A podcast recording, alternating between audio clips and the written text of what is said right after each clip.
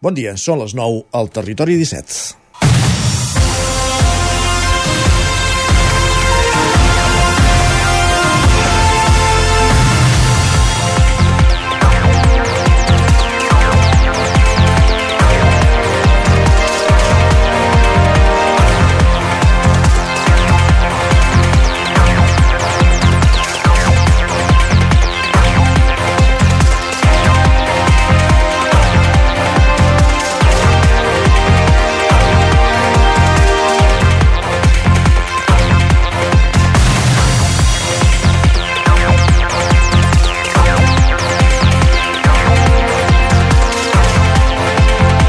Durant l'any passat es van registrar 12 morts per suïcidi a la comarca d'Osona. Són més, per exemple, que en accidents de trànsit. Per sensibilitzar la població amb aquesta problemàtica i evitar possibles casos de suïcidi, la Generalitat ha impulsat una campanya a les principals localitats del país, incloses les capitals de comarca, que consta de la instal·lació d'un vinil rodó de color negre i de dos metres de diàmetre amb el lema si coneixes algú a punt de caure en el pou del suïcidi, escolta'l i demana ajuda al 061.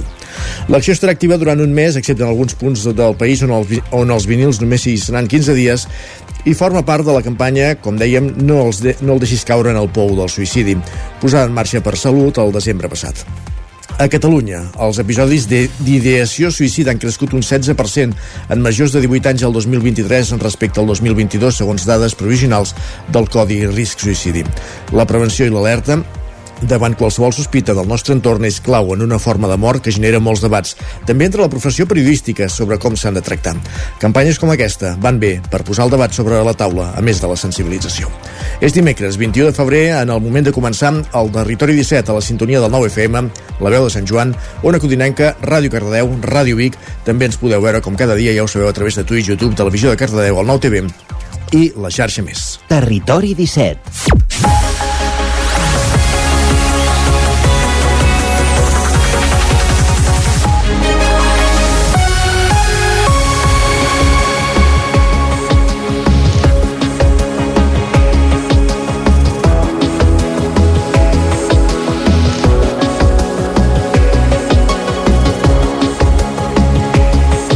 Dos minuts i mig que passen de les 9 del matí en el moment de començar el Territori 17, el magazín de les comarques del Vallès Oriental, l'Osona, el Ripollès, el Moianès i el Lluçanès, que us fa companyia cada matí durant dues hores entre el punt de les 9 i el de les 11.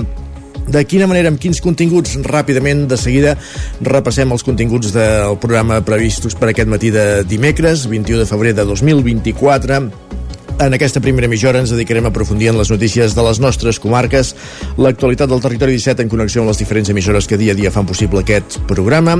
També farem un cop d'ull al cel en una setmana que amenaça canvis meteorològics de cara al cap de setmana amb baixada de temperatures i potser algunes precipitacions. Ens ho explicaran Pep Acosta a partir d'un quart d'onze, d'un quart de deu del matí i acte seguit anirem fins al quiosc amb en Sergi Vives per repassar quines són les portades dels diaris del dia, d'aquest matí de dimecres.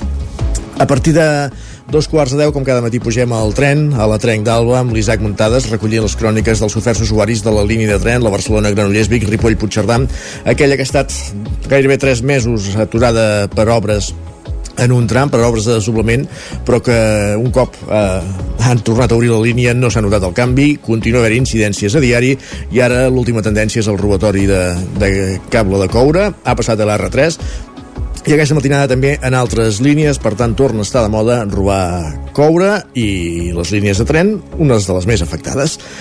A partir d'acte seguit anirem fins a l'entrevista i a la connexió avui sortirem al carrer, anirem fins al Museu Arxiu Tomàs Balvei de Cardedeu en companyia de l'Enric Rubió de Ràdio Televisió Cardedeu. Notícies a les 10, la previsió del temps i a partir d'un quart d'onze serà el moment de saludar la Laura Serrat com cada setmana des de Ràdio Vic amb una nova edició dels Solidaris, l'espai que dediquem a conèixer les iniciatives a casa nostra, eh, adreçades als qui més ho necessiten, eh, de la mà doncs, de diverses entitats. El teixit és molt ampli i ens en anem fent ressò cada setmana, cada dimecres a un quart d'onze del matí. A partir de dos quarts d'onze, recta final del programa, primer de tot amb una capbussada a Twitter, amb en Guillem Sánchez, en repassant les pilades més destacades del matí, i acte seguit serà moment de saludar en Jordi Givert amb una nova edició del podcast de Territori Sostenible per acabar el programa des de la veu de Sant Joan, altre cop amb l'Isaac Muntades, amb una nova edició del Lletra Ferits, l'espai que dediquem cada setmana al món dels llibres, i avui dedicat a Gemma Arimany, i coneixerem en detall quina és la, la seva obra. 5 minuts ara mateix que passen de les 9 del matí és moment de posar-nos en dansa, és moment de començar a aprofundir en l'actualitat de les nostres comarques amb les notícies del territori 17, que són les notícies del Vallès Oriental, l'Osona, el Ripollès, el Moianès i el Lluçanès. Territori 17.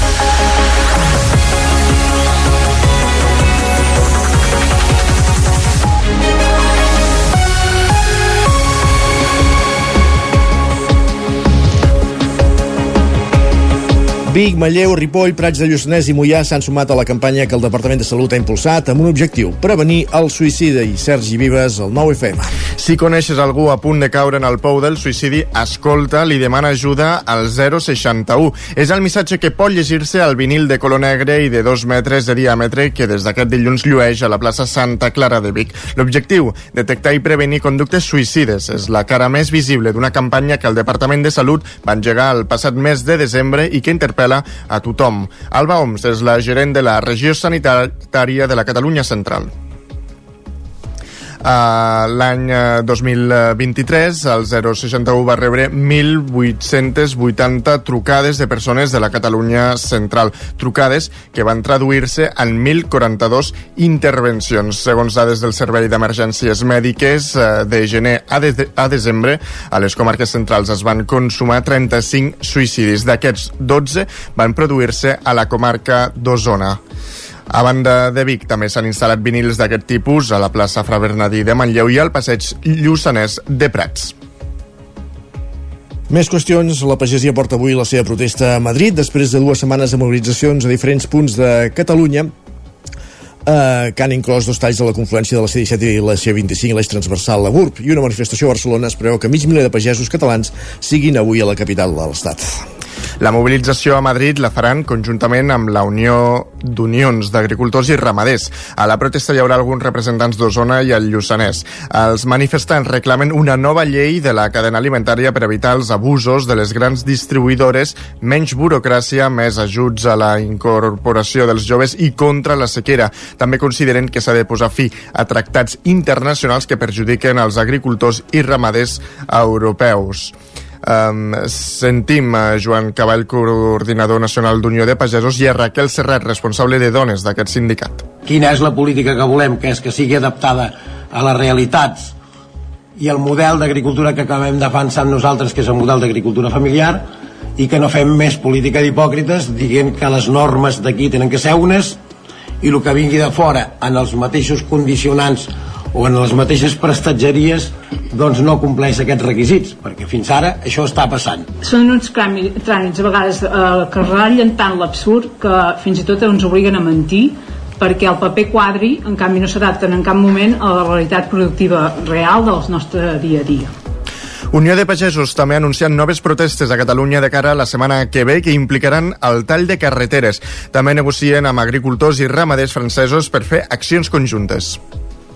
Més qüestions, gràcies Sergi. S'acorda la construcció de l'enllaç de l'AP7 a la Valllòria entre la Generalitat i l'estat espanyol. Ser Enric Rubio, Ràdio Televisió Cardedeu. Així és, es tracta d'un dels set enllaços que es pretenen construir arreu del país i forma part dels acords de la Generalitat i l'Estat en l'inici de la tramitació del conveni per la millora de la connexió de la xarxa viària catalana i per fer-ho possible es preveu una inversió pels set trams de 250 milions d'euros, així com la millora dels ja existents.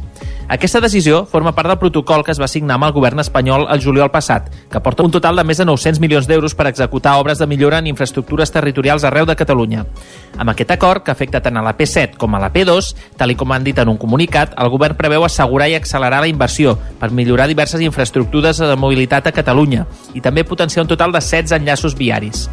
La idea és poder millorar la capacitat i funcionalitat dels nous enllaços que ja estaven inclosos al protocol i, seguidament, construir-ne set més. Entre els enllaços, n'hi ha diversos que toquen de prop la nostra zona, com poden ser el de la C35 fins Massanet de la Selva, la C60 a la Roca del Vallès, la plataforma entre Montornès i Mollet del Vallès, i els accessos de Montmeló i Parets del Vallès. Amb aquestes millores s'espera que baixi la sinistralitat i que la circulació sigui més fluida i amb una reducció de les retencions.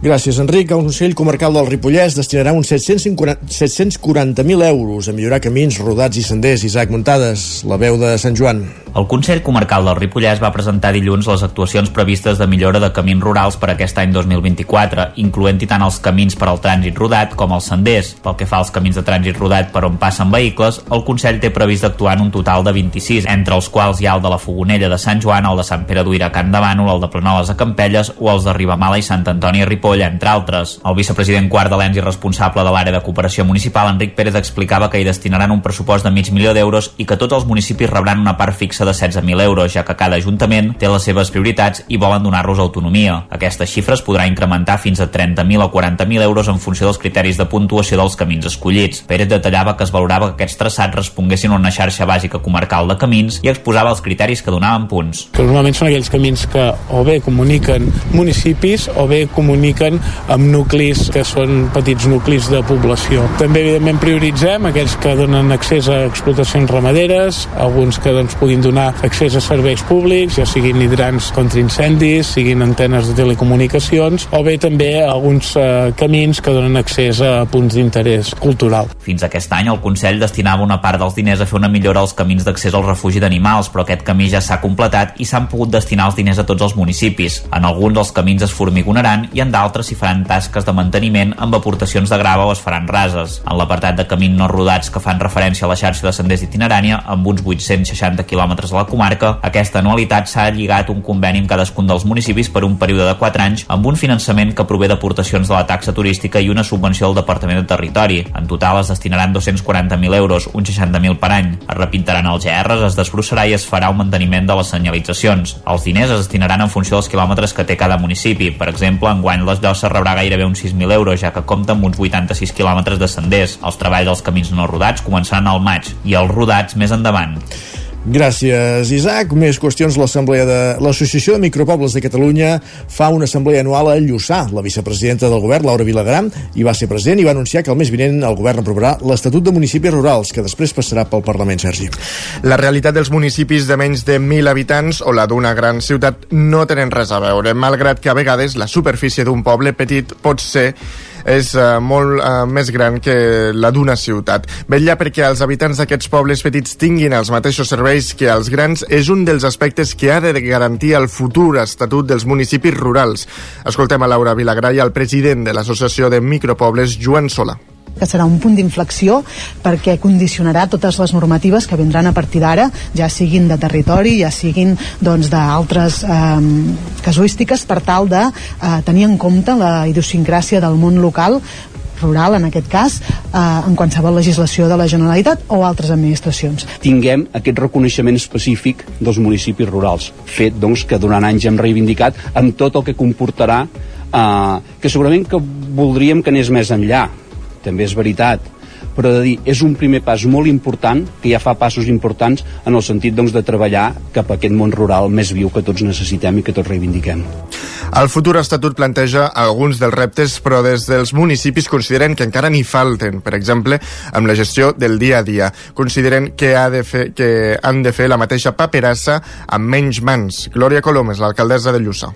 Ah, hi ha una sèrie de coses que haurien d'anar, fins i tot això de reglaments tècnics, eh, que haurien d'anar eh, no tant per cada X mesos, sinó per cada X eh, hores de funcionament, com els cotxes, no? Cada X quilòmetres, si no el fas anar tant, doncs tens uns mínims, però no passaràs tantes, eh, tantes eh, manteniments. Doncs una mica ens trobem que hi ha una sèrie d'exigències legals cada vegada més grans, perquè cada vegada anem a prevenir més i a protegir més, que està bé, però que llavors ens ofeguen a l'Assemblea de Micropobles també s'hi van presentar una trentena de pagesos i ramaders de la zona que van exposar les seves reivindicacions.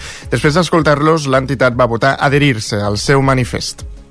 Més qüestions, tornem cap al Vallès Oriental perquè la botiga fot un Madró de Sant Feliu de Codines abaixa la persiana definitivament després de 43 anys. Roger Ram, zona codinenca.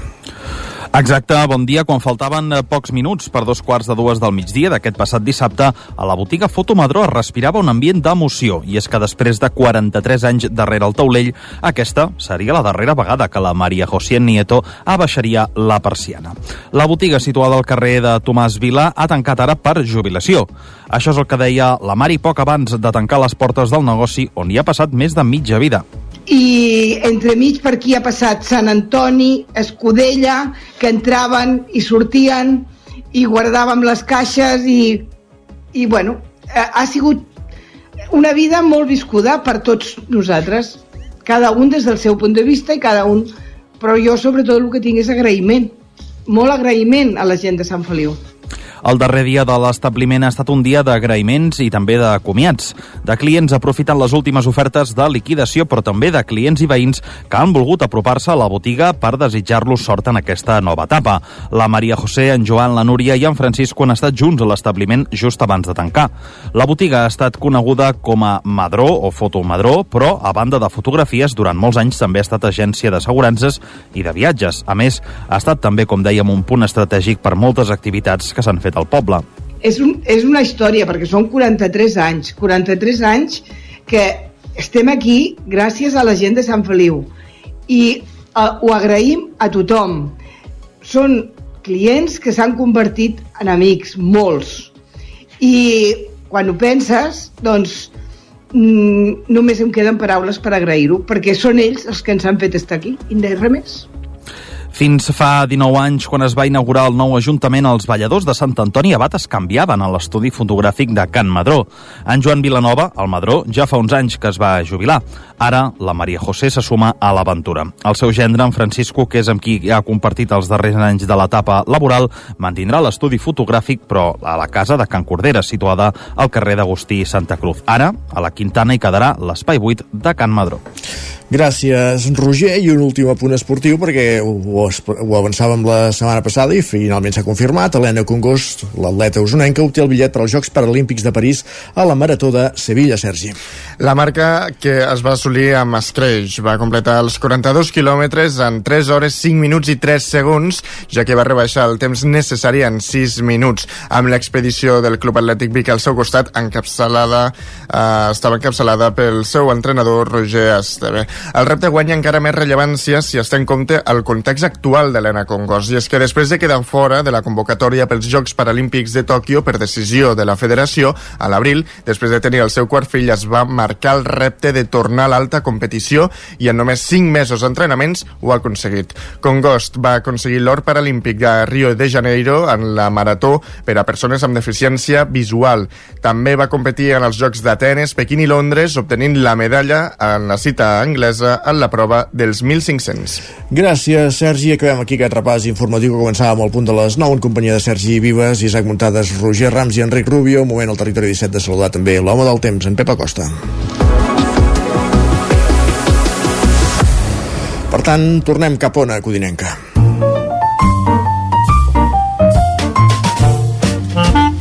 Casa Terradellos us ofereix el temps. Quin temps farà avui, com ens hem llevat? Pep Acosta, benvingut, bon dia. Hola, què tal? Ja dimecres, eh, mitja setmana, per molts això ja és mitja setmana, dia 21 de febrer, uh, ja veieu com, com van passant els dies, eh? sempre el mateix, eh? que passen de pressa, uh, és el que hi ha, eh? Uh, vull dir, s'ha d'aprofitar el temps perquè passa tot molt i molt de pressa. El temps eh, el temps meteorològic, eh, no el temps el temps, eh, el temps meteorològic està eh, enquistat, està enquistat, està amb, amb aquesta situació una mica estranya, sensacions de temperatures més altes del normal, i a l'espera eh, d'un canvi de temps, un canvi de temps que encara eh, no sabem bé com ens afectarà, eh, els mapes eh, ballen una mica i demà concretarem molt més aquest canvi de temps que se'ns acosta.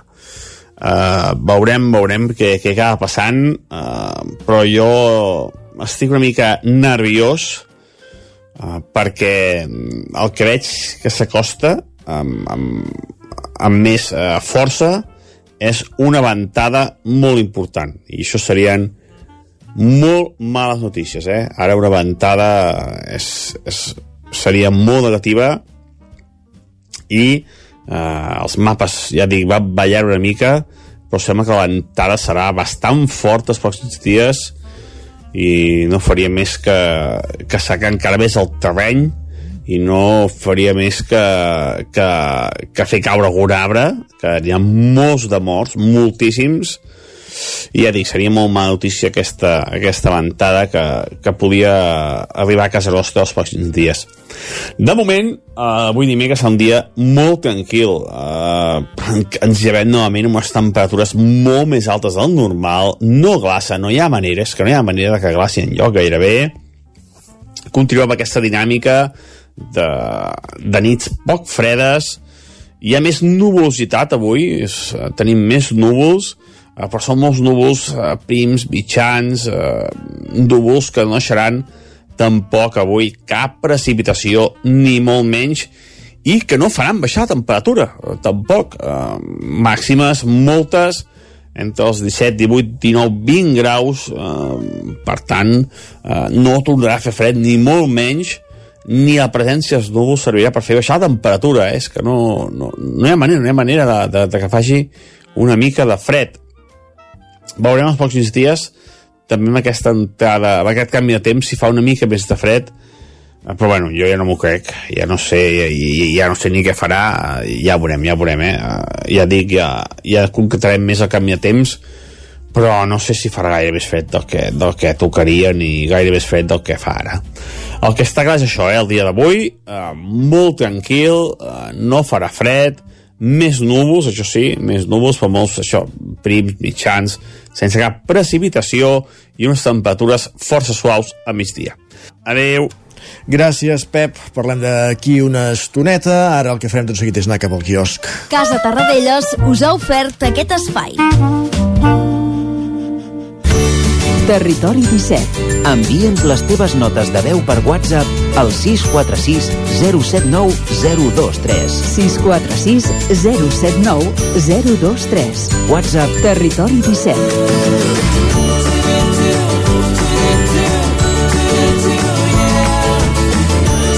Territori 17. Som a Facebook, Twitter i Instagram amb l'usuari Territori 17.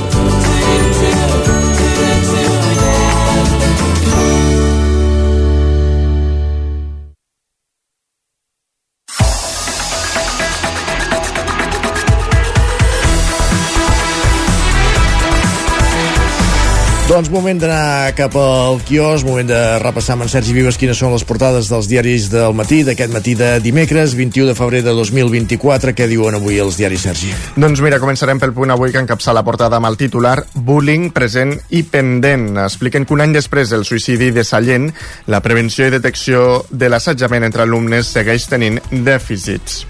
El periòdico destaca la febre per escanejar-se l'iris a canvi de diners. Impressionant aquesta notícia. Sí, eh? Expliquen que nombrosos joves acudeixen a vendre dades biomètriques a través de l'ull a Wallcoin, un projecte del creador de ChatGPT. Uh, per altra banda, diuen que un milió de catalans estan en, en el procés de buscar una vivenda. Expliquen que l'Observatori Metropolità de l'Habitatge remarca els alts preus de l'oferta com el principal escull. La Vanguardia diu que només un 10% dels europeus creuen que Ucraïna guanyarà la guerra. Expliquen que la majoria dels ciutadans de la Unió Europea consideren que Kiev ha d'arribar a algun acord amb Rússia. I parlant eh, de guerres, a la foto, atenció, veiem una desena de militars israelians fent-se un selfie davant de cases destruïdes a la frontera de Gaza. la guerra. És impactant, Sí. eh, la, la foto.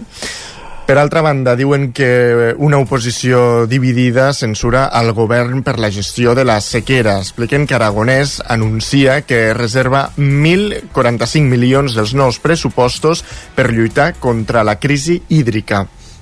De fet, aquest és el titular que l'Ara, diuen que el govern destinarà 1.000 milions d'euros a afrontar la sequera. Expliquen que Aragonès es venta d'haver pogut ajornar l'emergència i l'oposició li retreu falta de previsió. Expliquen també que els comuns i la CUP reclamen que es redueixi més el consum turístic d'aigua i els altres grups s'hi oposen. Per altra banda, diuen que la malnutrició infantil avança a Gaza. Expliquen que un informe de l'UNICEF avisa que un de cada sis nens de menys de dos anys al nord de Gaza ja pateix malnutrició greu i la situació s'agreuja cada setmana que passa. Amb tot, diuen, els Estats Units han tornat a vetar una resolució d'alto al foc de l'ONU. Anem a, a les portades de Madrid ara. Som-hi. I de fet, el Galícia, Galícia encara és molt present o ja va... Bueno, déu nhi eh? Sí? Sobretot amb els dia... el Mundo, la Razón... Com no, com no. Ara hi arribarem. Va, som-hi. El país eh, diu que Estats Units veta en l'ONU un alto al foc immediat a Gaza. Expliquen que Washington s'obre per primera vegada a una proposta alternativa per una mm, treva limitada i condicionada. I a la foto veiem Estela Assange, que es va dirigir ahir als manifestants en recolzament al fundador de Wikileaks davant dels Tribunals Reals de Justícia a Londres, on es decideix sobre la seva extradició als Estats Units. L'ABC diu que el govern amplia els treballadors de risc amb jubilació als 52 anys. Expliquen que la Seguretat Social ultima un decret amb el marc regulador per l'admissió de noves professions amb una retirada prematura millorada. El Mundo diu que els caps del grup antinarco desmunten les proves falses que va utilitzar Interior per tancar-lo. Expliquen que els mandataris de l'organització es, quere- es querellaran contra assumptes interns per manipular dades per desmantellar la unitat èlit de l'estret. Per altra banda, la foto veiem com Feijó és aplaudit pels membres del seu partit, l'acompanya el titular una victòria de l'Espanya d'iguals. Expliquen que el líder del PP desgra eh, desgrana davant la Junta Directiva Nacional l'èxit de les urnes i reivindica el fracàs rotund del model sanchista.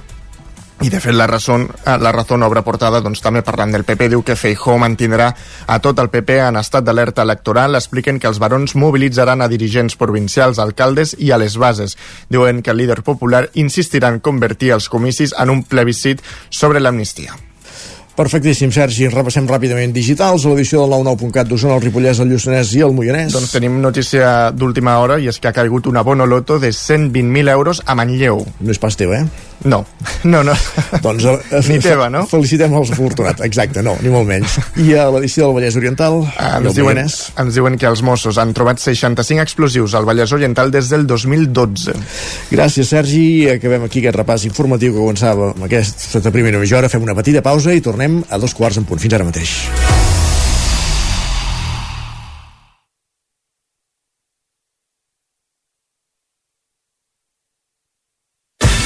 El nou FM, la ràdio de casa, al 92.8. La qualitat de les teves impressions és important per tu? Estàs cansat que els colors i les imatges no surtin com t'esperes? A Impremta Mater disposem de la tecnologia més avançada i els millors professionals per aconseguir impressions d'alta qualitat. Fem tota classe d'impresos amb acabats professionals. Llibres, catàlegs, revistes, tesis, calendaris, enquadernacions... I, a més, disposem del servei d'impressió digital en gran format. Roll-ups, lones, pòsters i molt més. Impremta Mater.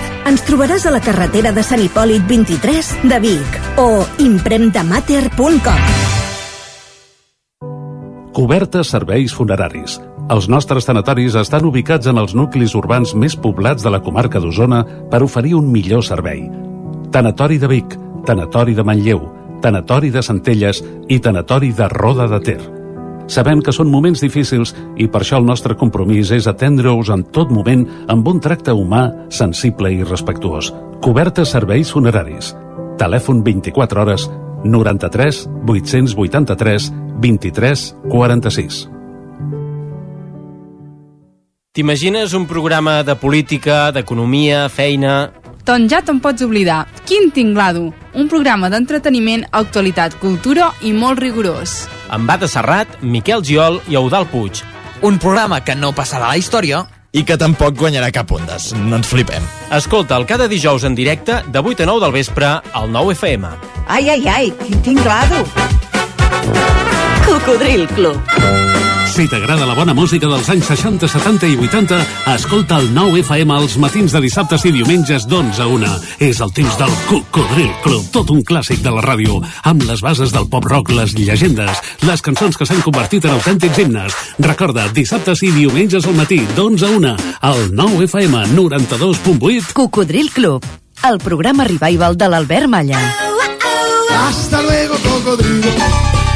L'infopodcast del 9-9 amb Sílvia Pedret. Cada dia et donem les claus de les notícies més rellevants de casa nostra. Vivim en una comarca que s'està demostrant pionera en transició. Desperta't cada dia amb l'infopodcast del 9-9. Aquesta setmana tornen a ser notícia els pantans perquè han baixat... El trobaràs a dos quarts de vuit del matí al 99.cat, Spotify, iVox i, si ho vols, te l'enviem directament al mòbil. Subscriu-te als canals de WhatsApp i Telegram del 99. Soc Sílvia Pedret. Comencem. El 9 FM, la ràdio de casa, al 92.8. Territori 17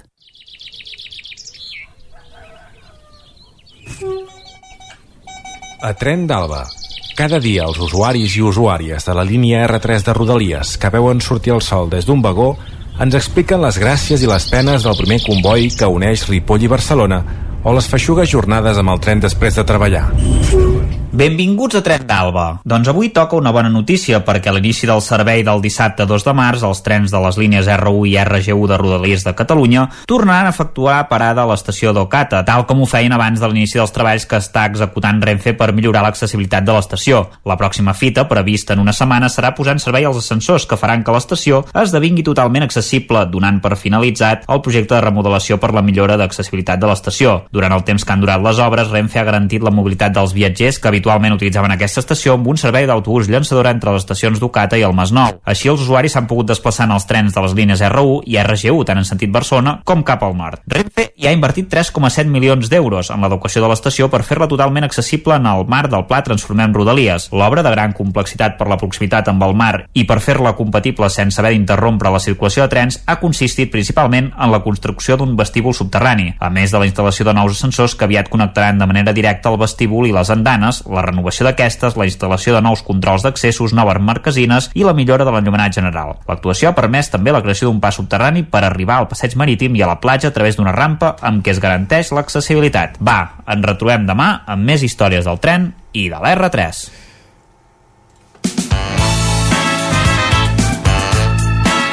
Territori 17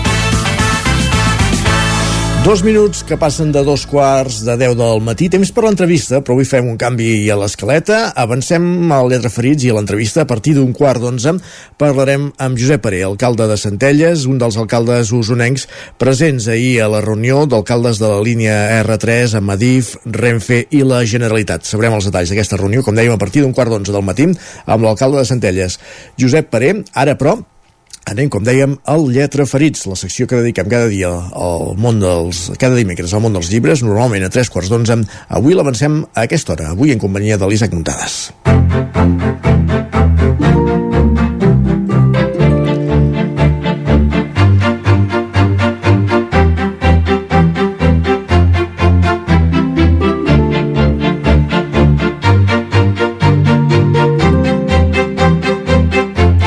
L'Isaac Muntades, el nostre company de la veu de Sant Joan, no és que ara hagi començat a escriure llibres, sinó que el que fa és conversar amb una autora, amb una autora de, de poemes, en aquest cas eh, Gemma Arimany, que és professora de Llengua i Literatura de l'Institut Abat Oliva de Ripoll, i parlarem d'alguns dels poemaris que ha publicat recentment. Com dèiem, anem fins a la veu de Sant Joan, allà ens espera l'Isaac Muntades, benvingut, bon dia, bon dimecres. Doncs al Lletra Ferits d'avui parlarem amb la Gemma Arimany, que actualment ella és professora de Llengua i Literatura a l'Institut Abat Oliva de Ripoll i també és escriptora, sobretot eh, de poemaris, com per exemple Els colors primaris, que va sortir l'any 2019 i que en el seu moment, doncs aquí al Lletra Ferits també la vam tenir a, a la veu de Sant Joan, o de Glatí, que és el més recent i de l'any passat, Uh, de la Gemma Arimany hem de dir que ella és nascuda a Olot l'any 1980 i des de ben petita doncs, ha estat molt lligada a la literatura i avui parlarem una mica més amb ella sobre la seva trajectòria i sobretot sobre aquesta nova iniciativa, aquest club de lectura de poesia que ha, que ha impulsat a Ripoll. Bon dia Gemma i moltes gràcies per ser al Territori 17 amb nosaltres. Bon dia, gràcies a vosaltres, Isaac. Uh, volia començar parlant amb tu, Gemma, abans d'entrar en matèria. Uh, per qui no et conegui, com, com et presentaries? Qui és la Gemma Arimany? I, sobretot, quan comences a interessar-te per la literatura? Uh, uh, bueno, jo, com has dit, no? jo la meva, la meva professió és professora, és ser professora de llengua i literatura, vaig estudiar filologia catalana ja una mica perquè em, uh, m'interessava molt tot el, món de, tot el món de la llengua, de la literatura, m'agradava molt escriure i per tant doncs el meu la meva altra ocupació no? seria doncs no remunerada eh? uh, majoritàriament però seria doncs tot aquest tot aquest món no? de, de la literatura uh -huh. i llavors doncs bueno, des, de, des de fa molts anys ja que això, que, que escric, m'agrada molt escriure i, i, i com bé deies, no? he publicat alguns llibres i, i m'interessa també tot, a, tot el que té a veure amb, amb propagar-la, la literatura, no? des de la recitació, des de, des de llegir-la plegats, eh, tot el que tingui a veure amb les lletres. Uh mhm. -huh. De fet, a Gemma, és habitual veure tant recitals de poesia que es fan a, a Ripoll, a vegades llegint, vull dir, és una cosa habitual. Uh -huh. uh, volia anar una mica enrere en el temps. En només 22 anys vius un moment clau amb el triomf al Premi Martidot, no? Com, com va anar això? Sí, Sí, sí. Uh, jo, de fet, sempre que em diuen des de quan escrius? Clar, jo escric des de, des de sempre, no? Uh, però sí que és veritat que a mi la poesia m'ha interessat des, des, des, de, des de fa moltíssims anys, no? des de la professora d'institut que em va fer entrar en, en tot aquest món, doncs em va, em va fascinar moltíssim el món de la poesia, però eh, tot i agradar-me molt em costava fer, eh, doncs fer poemes que a mi em satisfessin una mica, no? Però sí que va ser això, entorn dels 19-20 anys, que vaig començar doncs, a, a, a treballar amb poemes que ja em convencien més, que creia que podien tenir una certa entitat i quan vaig tenir doncs, eh, doncs això, el volum suficient no? i amb la unitat com per fer-ne doncs un llibre em vaig presentar en aquest Premi Martidot, que, que encara avui dia també doncs, és vigent, és un premi per poetes joves, uh mhm. -huh. i, i això, i vaig guanyar-lo i vaig tenir l'oportunitat de, de publicar el, el, primer, el primer llibre que va ser Ferro 30 el, el 2003, va ser que, que va sortir publicat. Uh -huh.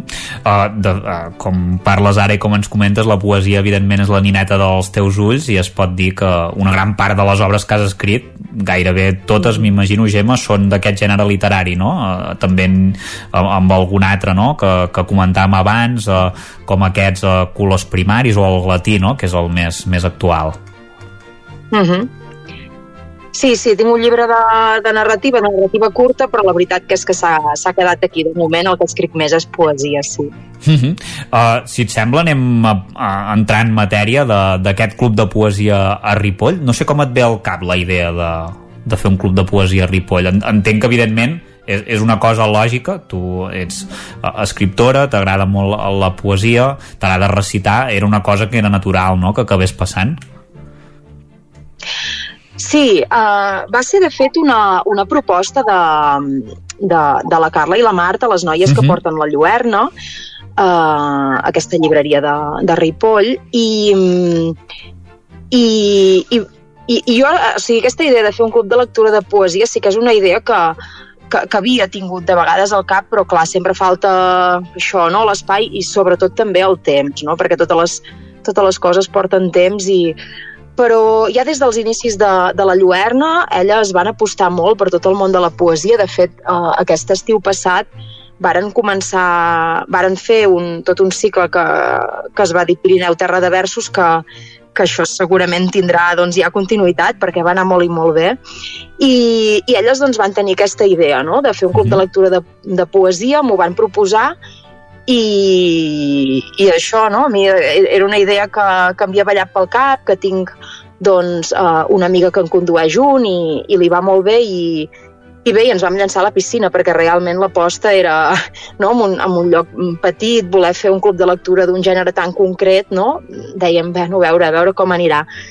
I la veritat és que va anar molt bé, vam fer una primera edició a la primavera passada uh, i, i vam fer això, un, un, un bloc de, de tres mesos, no? amb un llibre cada mes. Uh -huh. uh, la nostra idea és fer-ho o sigui, fer, -ho, com, o sigui, fer-ho amb dues tongades cada any. Passa que llavors a la, en aquesta tardor passada, que era la idea primera, no? de, de -huh. tornar-ho a fer, jo no vaig tenir tanta disponibilitat i vam fer una petita parada amb aquesta primera idea, però la voluntat és aquesta, eh? fer doncs, una sessió de primavera, una sessió de tardor, o sigui, una, una tongada de primavera amb tres sessions, tres llibres i una de tardor, i, i bé, i, i això, i en la, en la primera l'any passat es va, fer, es va fer un grup molt, molt maco i, i bueno, un grup que no és tancat, eh? vull dir, si vols pots venir a una sessió, uh -huh. pots venir totes tres, pots...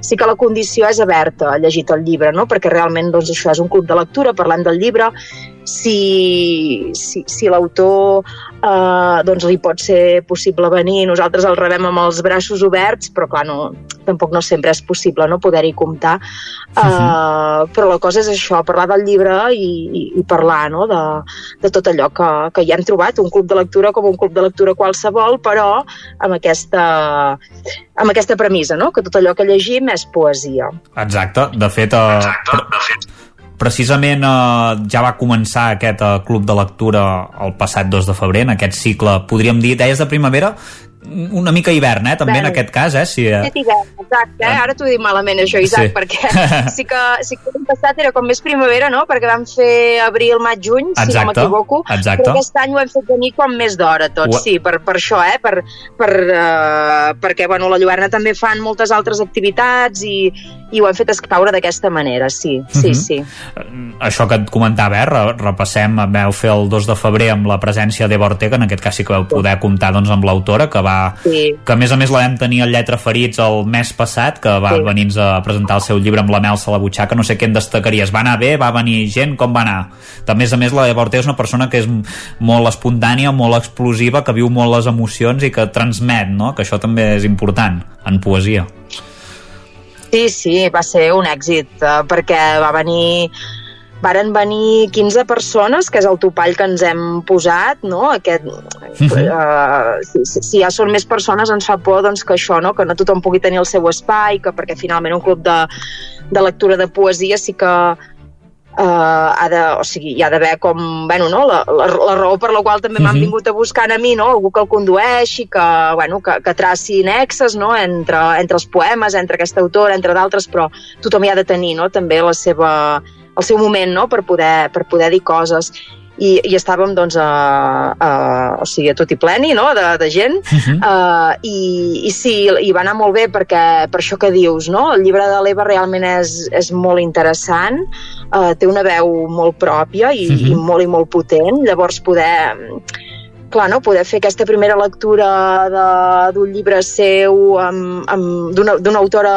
local, local també exacte. ho trobem molt rellevant, no? així com en la passada edició va venir la Montse Maestre també, que és una uh mhm. -huh. poeta d'aquí Ripoll i, i, i va ser fantàstic no? poder comptar amb ella perquè a més a més tant ella com l'Eva no? són, són poetes de, de qualitat literària de gran vàlua que les tenim aquí poder-hi comptar i poder-les llegir també ho trobem doncs, molt, doncs, molt rellevant, no? molt significatiu i, i això, i amb l'Eva doncs, vam compartir no, tots el que, el que ens va generar el seu llibre, el que hi vèiem, i ella, doncs, clar, ens va recitar, ens va fer un, una mena de joc així d'atzar i de mm -hmm. cartes que ja havia fet en la seva presentació a Camp de Bano, i, i va estar molt i molt bé, sí, mm. sí. És això que deies, eh? qualitat. De fet, el llibre amb la Melsa Butxaca de Ortega ha guanyat el Premi Gomar Singumila de l'any passat, vull sí. dir que evidentment és una, una poeta que, que tot just, com aquell que diu, comença, eh? Uh, després sí. ha, ja dos um, sessions més, que, sí. que és la del l'1 de març i la del 5 d'abril, en una tindrem uh, Rosa Fons i l'altra en Manel Forcano. Què ens en pots dir? Què ens en pots avançar mm. d'aquestes dues? Sí, mira, mm, es, sempre, uh, o sigui, hi ha tants autors bons, per sí. sort, tants poetes, tenim, o sigui, en la literatura catalana actual realment hi ha molts poetes molt bons, tenim molta sort i, i costa de triar perquè clar, dius, ostres, només tres, no? Uh, uh -huh. uh, N'hi ha molts que ens, faria, que ens faria gràcia, no?, de fer, però bueno, ja, ja els anirem fent, no?, si tot va bé i va continuant. Llavors, doncs, sí que sí que ens, en, ens atreia la idea no? que, que fossin autors que també entre si tinguessin estils diferents i que coneguessin doncs, eh, diferents veus eh, literàries, no? I, i, i entre ells tres eh, són poetes prou eh, això, no? amb una veu, amb un món prou diferent, tots ells, com mhm. deia, no? de, de qualitat literària. La Rosa Font i en Manuel Forcano són autors ja molt consolidats, eh, la Rosa Font va guanyar el Premi Carla Riba ara ja fa uns quants anys, que és, que és, que és uh, bueno, jo m'atreviria a dir que és, que és un dels pre bueno, el premi o un dels premis doncs, més ben considerats no? en poesia catalana realment qui, qui guanya el Carla Riba és, bueno, és ja, uh mhm. -huh. consagrat, no? Um, i, I ella ha publicat moltíssim uh, i té una obra molt, molt interessant, la Rosa Font. I llavors d'ella llegirem Temps elíptic, que és, uh, que és un dels últims llibres que ha publicat i que és molt interessant, uh, molt interessant. I, i, I creiem també que, clar, també intentem triar llibres que, uh Mhm. -huh Mm, o sigui, clar, tenim un públic... Ten, el club de lectura, tant hi ha públic que fa molts anys que llegeix poesia, que n'és molt assidu, com, com d'altres que tot just ara doncs, comencen, no? Llavors, intentem també que no sigui que no hi hagi cap llibre molt, molt críptic, no? Perquè Mhm. si no, o que, o, bueno, o que si n'hi ha algun que té un cert grau més de complexitat, els altres no en tinguin tanta, no? Exacte. Uh, llavors, doncs això, la Rosa Font és una autora molt interessant, que versa molt també a partir de la natura, explicant ja la, la vida, no? I, i amb un món interior que és una passada. I llavors en, i en Manuel Forcano, que serà l'últim, d'ell llegirem a tocar, i Manuel Mhm. Forcano també és un, un poeta que, que és, explica, explica el desig una mica com, com pocs el saben explicar. Uh, és, és, és un poeta que, que és molt bo també. I, i, i llegirem aquest llibre a tocar que és l'últim que ha publicat. Bueno, llavors Mhm. té una antologia en què hi ha algun poema nou que va sortir l'any passat, si no ho recordo malament, però llegirem doncs, l'últim llibre que és íntegrament nou, diguem-ne, tots els poemes que, que és a tocar. La Rosa Fons, mm, en un principi sí que, que hi podrà ser també, Mhm. tot i que no sempre el club de lectura, és a dir, el club de lectura no, no, no el plantegem com un lloc en què segur que ve l'autor, eh? pot ser i pot, Pot no ser ser que vinguin, en, aquest, en aquest cas, d'augment dos de Sí. dos, eh, seria? Sí, de moment dos de tres, eh? Sí. Uh, Sí, sí. Forcano no. No, Manel però, però bueno, uh, això és aquest espai per compartir. En Manuel Forcano doncs també uh, bé, uh, és, és un autor que, que ha publicat molt i que, i que és una veu molt interessant. Jo estic molt contenta de poder-los fer tots tres perquè són autors que, que admiro molt, la, el, tot allò que escriuen. Mhm. Per anar acabant, Gemma, ens queden res, amb, Mm. amb 30 segons. Qui vulgui assistir a aquests clubs de Sí. lectura, heu dit que ja més o menys era un grup de 15 persones, com ho ha de fer? Ja, és de pagament i hi ha un horari, no? Uh, sí, sí, sí. El, uh, el, de fet, el, el, uh, dic que el, prim, el primer club era, era ple, uh, però els altres dos encara, encara hi ha Mhm. places, eh? Vull dir que encara doncs encara s'hi encara s'hi pot apuntar gent. Uh, és els, aquests dies que hem dit, eh, són els que El u de vindran. març i l'u de 5 d'abril, I el sí. 5 d'abril, sí, i és de dos quarts de set a les 8 Mhm. és, uh, agafem aquesta franja d'ho- d'hora i mitja, allò, perquè puguem parlar llargament, perquè tots puguem compartir, puguem tenir l'espai. Clar, i quan ve l'autor se'ns fa curtir tot, no? Sí, Perquè, perquè doncs és, uh, bueno, és hora i mitja, però la fem, la fem ben plena, sí, sí. Perfecte, Gemma Arimany, doncs moltes gràcies per compartir-nos doncs, eh, aquest club de lectura de, de poesia que ve en tres fascicles, un ja, un ja l'hem fet, ens en queden eh, dos, que hi haurà doncs, la Rosa Fons, que hi serà presencialment, com ens deies, i en Manel Forcano no el tindrem, però podem compartir una mica més del seu llibre. Moltes gràcies, Gemma Arimany, per haver estat al Territori 17 amb nosaltres. Molt bé, gràcies a vosaltres.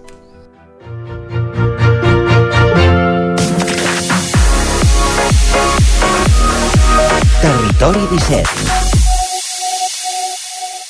3 minuts que passen de 3 quarts de 10 del matí. Territori 17. I al territori 17 el que fem tot seguit és anar cap al Museu Tomàs Balvei de Cardedeu. Com cada dia a aquesta hora és moment de sortir a l'exterior i avui fins a aquest museu s'hi ha desplaçat l'Enric Rubio de Ràdio Televisió Cardedeu, aquí ja saludem. Enric, benvingut, bon dia. Què hi fas aquí al museu? Bon dia, Isaac, què tal? Em rebeu bé des d'aquí Vic, ara mateix, i des Perfectament. de les ràdios? Sí? Perfectament. Fantàstic. Doncs, doncs mira, avui, com bé deies, m'he desplaçat fins a l'emblemàtic Museu Arxiu Tomàs Balvei, d'aquí a Cardedeu, per parlar amb la Marta Núñez Camproví sobre l'augment de visites d'aquest passat any, que ja en vam fer notícia, i també sobre les novetats que, que ens esperen. Uh -huh. ha estat un total, han estat un total de 8.537 persones les que han vingut a visitar aquest espai durant el 2023. De fet, podríem dir que ens quedem a poc de la meitat de la població de la vila. Marta, moltes gràcies per acollir-nos al museu i per obrir-nos les portes un xic abans que sabem que comenceu a les 10. Què tal, com estàs? Hola, bon dia, molt bé. Gràcies a vosaltres per venir. Uh, ara ho dèiem, 8.537 persones, és a dir, 400 més que l'any passat. Esteu contentes? Molt, molt contentes. Venim d'un període dur amb la pandèmia, ens ha costat molt recuperar-nos i, i per nosaltres anar sumant cada any una miqueta, la veritat és que ens alegra ens alegra que la gent es faci seu al museu. I tant, i tant. I a més és un espai molt, molt especial. Si veiéssiu on estem fent ara l'entrevista, tindríem un xic d'enveja, ja us ho diem. Un finestral semblant al que tu tens, Isaac. Uh, és un augment normal d'any a any o ho atorgueu potser les exposicions escollides durant aquest passat període? Um, aviam, venim d'un, com et deia abans, amb, no hem arribat encara als números de, de la prepandèmia, i ens veníem d'uns números baixos i sí que és veritat que cada any anem pujant. El que aquest any la pujada ha sigut molt més, molt més significativa, les exposicions han, han funcionat molt bé, tant les del museu com nosaltres també contem la, comptabilitzem les exposicions a la capella de Sant Corneli, que les fem de maig a agost, que també han funcionat molt bé aquest any i han passat vora 2.000 persones per tant també ho considerem un èxit i, i el que són el seguit d'activitats la gent suposo que li ha, li ha vingut de gust venir a participar dels diferents itineraris, tallers, etc. I, uh, i estem molt contentes perquè 400 persones és una pujada significativa i ara ens, alegra. De fet, és que tenim molts espais diferents, com ara comentava la Marta. A part d'aquí, a l'interior del museu, tenim un jardí botànic, que ara estava comentat, de fet, preciós aquí a l'exterior, per fer activitats durant èpoques de més eh, bonança. bueno, que és bonança tot l'any ara, malauradament. I, I Sant Corneli. Sant Corneli, les eh, exposicions que feu eh, tenen un caire diferent, oi que sí? Eh, no és exactament el que feu al museu o és un, com un allargament no, del que es pot trobar aquí a l'interior? És un cicle d'arts visuals. Nosaltres al museu tenim el cicle de Cardedeu amb l'art vigent, on treballem les, les arts visuals. Actualment tenim l'exposició de la Madola que està funcionant molt bé i si ara si se sent algun soroll són nens i nenes que l'estan visitant. L'any passat al museu hi havia la Núria Duran que també va funcionar molt bé a, a nivell de, gran, de públic general i escolar. Llavors a la capella són exposicions més, més petites amb, amb artistes multidisciplinars. Aquí entrem molt més eh, amb el que serien unes arts visuals més enfocades algunes vegades amb la videocreació, temes de performance, més performatiu, etc. L'any passat va, va ser l'Albert Gusi i la Mònica Riqui, que és un, és un cicle comissariat per, per l'Enric Mauri i la Mercè Alzina. La veritat és que treballem amb artistes de primera línia i, i fantàstics. A més, com dèiem, eh, és una ubicació molt entranyable a Cardedeu, eh, en el centre, bueno, tant el museu com la capella estan al centre. Eh, com resumiries, Marta, aquest últim any sé que és complexa potser, però què ha despertat, eh, ara ens ho comentaves, una mica més de curiositat, però en què quedaries potser d'aquest període de 2023?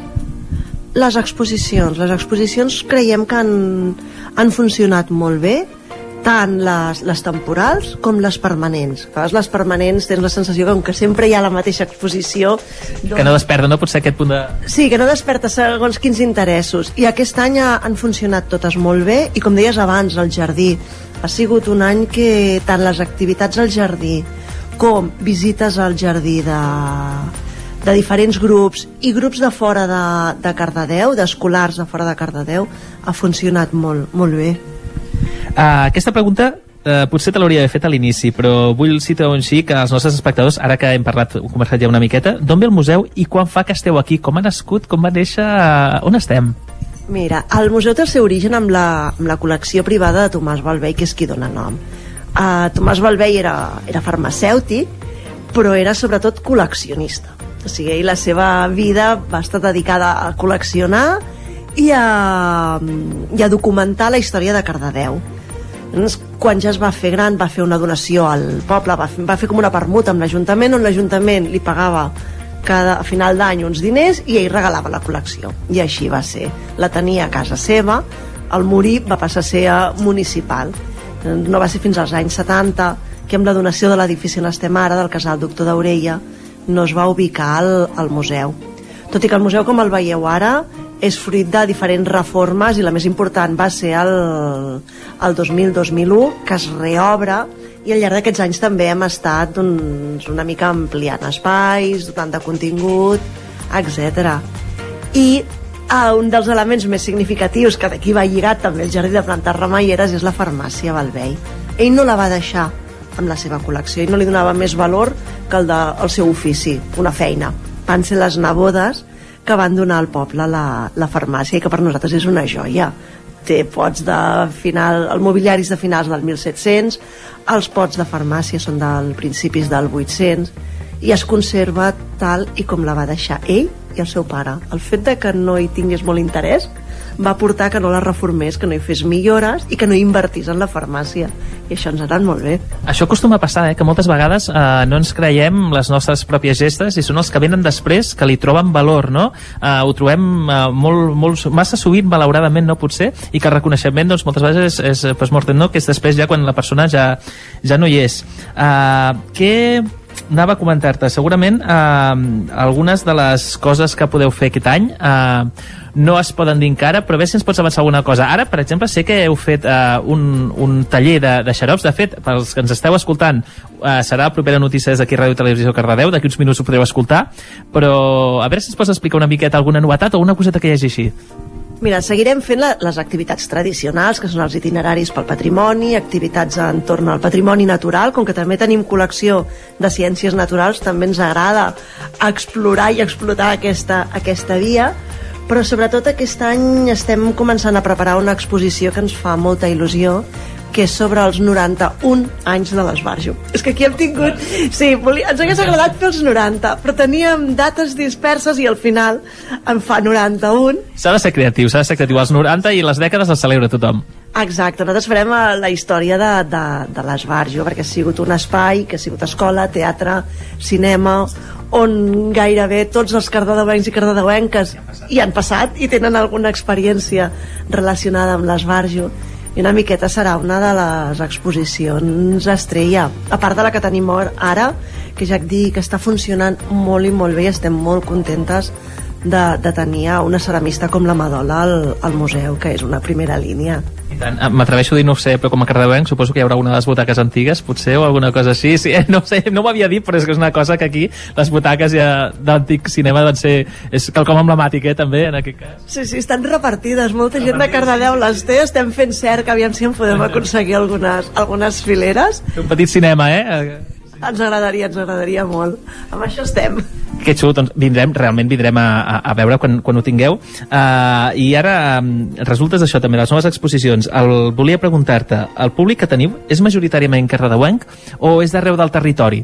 També quin tipus de públic teniu? Perquè teniu escoles, però també teniu molta gent de cap de setmana. Sí, mira, durant la setmana sobretot el públic és escolar per al tipus d'activitats que fem amb l'exposició que tenim ara de la Madola treballem, és una exposició que està molt orientada al que seria a fer ensenyar, a apropar les arts, l'art contemporani a tota la població, però especialment als nens i a les nenes. No? Per donar tot aquest pòsit, tenen unes ments molt obertes i és un moment que, que ho accepten tot a banda que se'ls hi tanqui per molts eh, temes externs, millor explotar-los i no amb, amb espais culturals com, a, com aquest. Exacte. I llavors eh, el públic durant la setmana és molt escolar i els caps de setmana i del territori, sobretot, o de gent de Cardedeu que venen a la tarda a veure l'exposició, etc. I sí que és veritat que el cap de setmana és més de la, de la comarca o de Barcelona que el tren arribi a Cardedeu és una delícia i és el millor que ens pot passar a tots i a nosaltres com a, com a equipament cultural. Facilita molt la vinguda de, de gent, sobretot de, de ciutat, de, la, de Barcelona, tant a visitar el museu com a fer la ruta Raspai, diferents itineraris, etc. De fet, és que estem a 30 i escaig minuts des d'aquí a Barcelona. A vegades ho oblidem, però és que estem a, a, a tocar, no? Uh, aquestes uh, visites també que feu a l'exterior, en què es centren una miqueta? Perquè és això, no teniu només uh, totes les activitats aquí, sinó que aneu de portes en fora. Uh, de fet, és una, un, una comunicació, és un punt d'informació també, però, però de, de, de tot el poble, no? És, és el punt, un dels punts neuràlgics on doneu a conèixer la, la vila, no?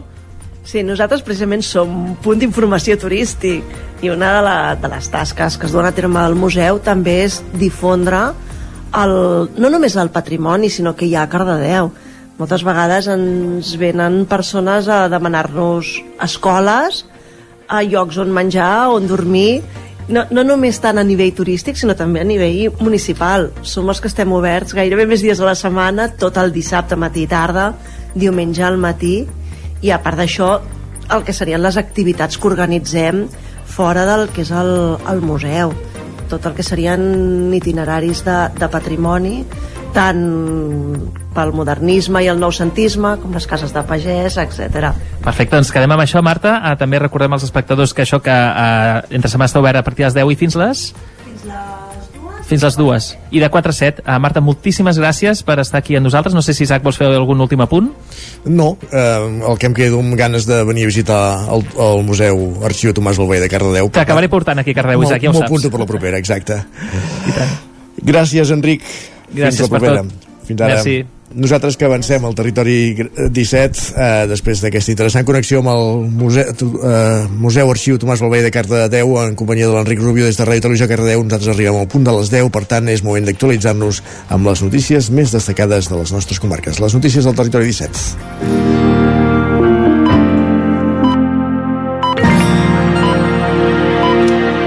Les notícies del Territori 17, el magazín que us acompanya cada matí de 9 a 11 eh, eh, en connexió amb diferents emissores, Ona Cotinenca, Ràdio Cardedeu, la veu de Sant Joan, Ràdio Vic, el 9 FM. També ens podeu veure a través de Twitch, YouTube, Televisió de Cardedeu, el 9 TV i la xarxa més.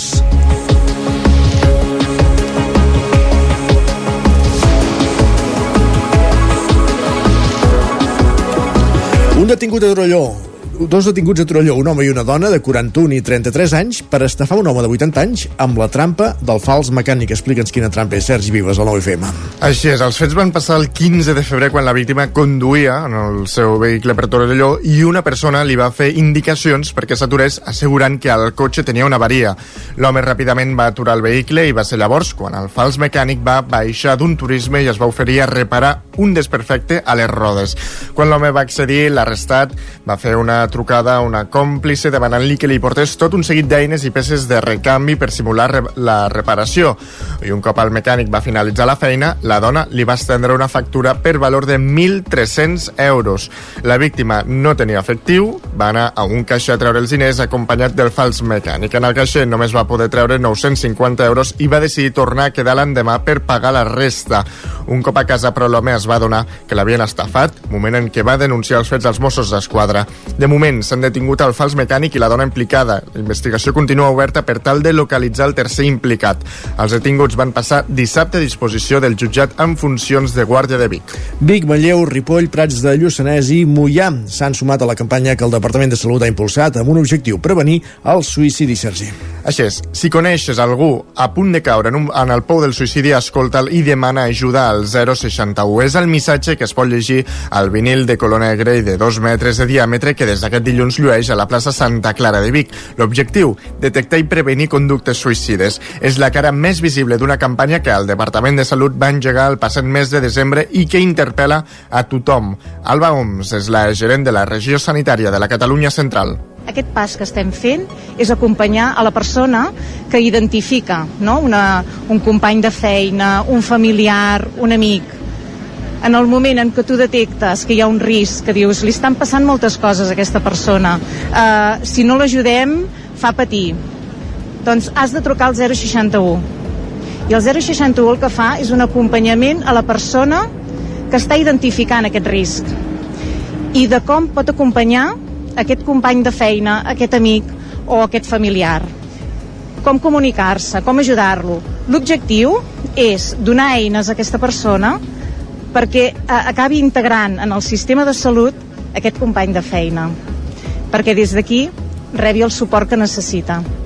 L'any 2023, el 061 va rebre 1.880 trucades de persones de la Catalunya central, trucades que van traduir-se en 1.042 intervencions. Segons dades del Servei d'Emergències Mèdiques, de gener a desembre, a les comarques centrals es van consumar 35 suïcidis. D'aquests, 12 van produir-se a la comarca d'Osona. Les dades de suïcidi a Catalunya són preocupants.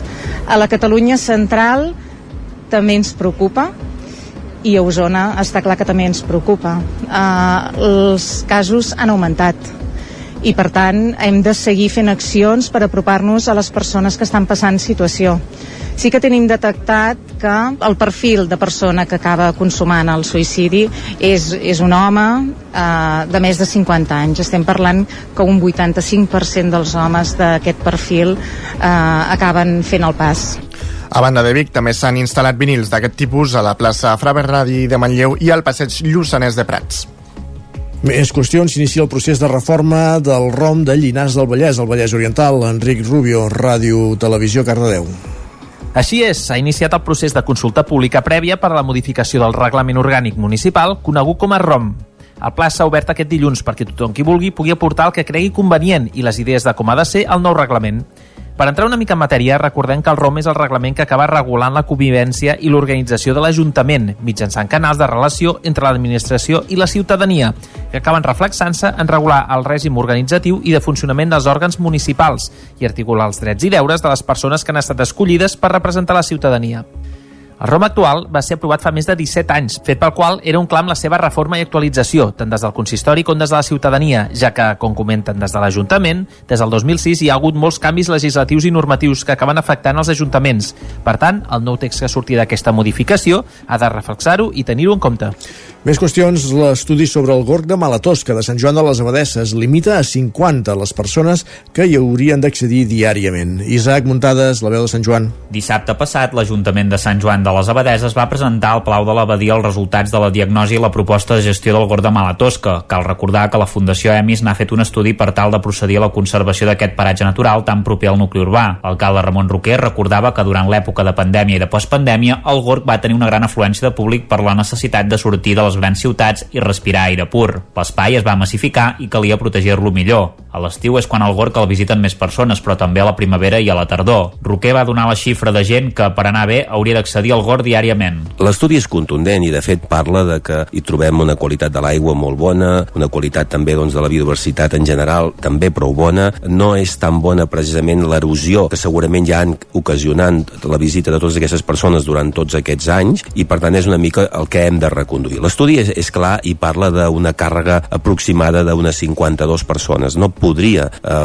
suportar una càrrega de més persones que, que aquestes. De fet, arrel d'aquesta doncs, diagnosi, d'aquest estudi, d'una forma ja ràpida, el que es farà ja és aprovar una, una ordenança amb una normativa que tampoc ha de ser ni feixuga, ni llarga, ni excessiva, però sí clara. L'Ajuntament espera que, a través de la Diputació de Girona o la Generalitat, els puguin ajudar a tenir un informador per aquesta primavera per tal de controlar l'accés i fer complir l'ordenança. També es mirarà de fer venir els agents de l'autoritat, com la policia local i els Mossos d'Esquadra, per tal de fer complir les ordenances i evitar l'incivisme. En l'enquesta en línia feta per la Fundació EMIS en què van participar-hi 157 persones van manifestar que estaven preocupats per l'incivisme, la sobrefreqüentació i els gossos deslligats. També deia que 9 de cada 10 vilatans donen molta importància a l'espai. La meitat hi van un cop a l'any i només el 32% ho fa mensualment. L'alcalde va explicar que per ara han descartat que s'hagi de pagar per accedir-hi i que cal evitar l'entrada de grups. Hem d'evitar els grups. Eh? Això és un tema que no és senzill perquè, de fet, aquests últims anys eh, han sigut molt els grups ja d'escolars, casals d'estiu, grups vinculats a l'Albert La Ruta del Ferro, que està a pocs metres de,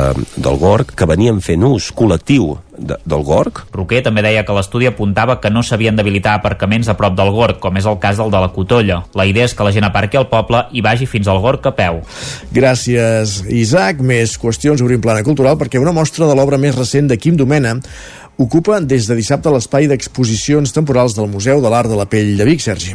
La benvinguda a l'exposició la dona una obra compromesa que fa referència a la repressió d'artistes que ha dut a terme el règim de Putin a Rússia. Oportuna més que mai perquè l'exposició Narratives del desconcert del garrotxí Quim Domènez s'inaugurava dissabte al Museu de l'Art de la Pell l'endemà de la mort altament sospitosa en una presó de l'opositor Alexei Navalny. I són set sèries que poden tenir autonomia pròpia, encara que estan tots englobats amb el, amb el títol aquest que li ha posat de, de narratives del desconcert. També crees com un títol una mica així contundent, eh? vull dir que també per cridar una mica l'atenció. L'autor rep el visitant amb les grans teles de la sèrie The Wall, Mots al mur.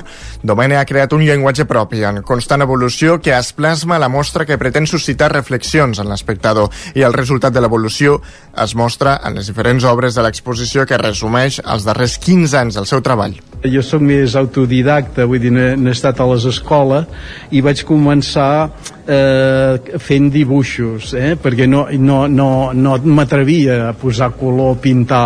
Després, com me vaig atrevir a posar color, en els dibuixos ja varen portar aquarela després el dibuix ja, ja va saltar a, a, a l'oli de l'oli vaig saltar a l'escultura vaig, vaig saltar al collage al final els quadres ja no sabia si era una pintura, una escultura o, o una instal·lació la mostra de Quim Domene es complementarà a partir de divendres amb dues exposicions més de petit format a la Tintoreria i l'Espai 11 de Vic.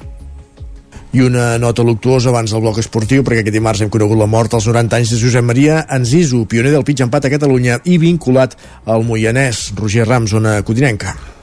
Exacte, i és que Josep Maria de Ancizu era ni més ni menys que el propietari del castell de Castellterçol, a banda de ser empresari, economista i docent al llarg de la seva vida. De Ancizu va ser president de la Federació Catalana de Pitch Empat entre els anys 2005 i 2009 i un ferm impulsor d'aquest esport a casa nostra i també arreu d'Europa.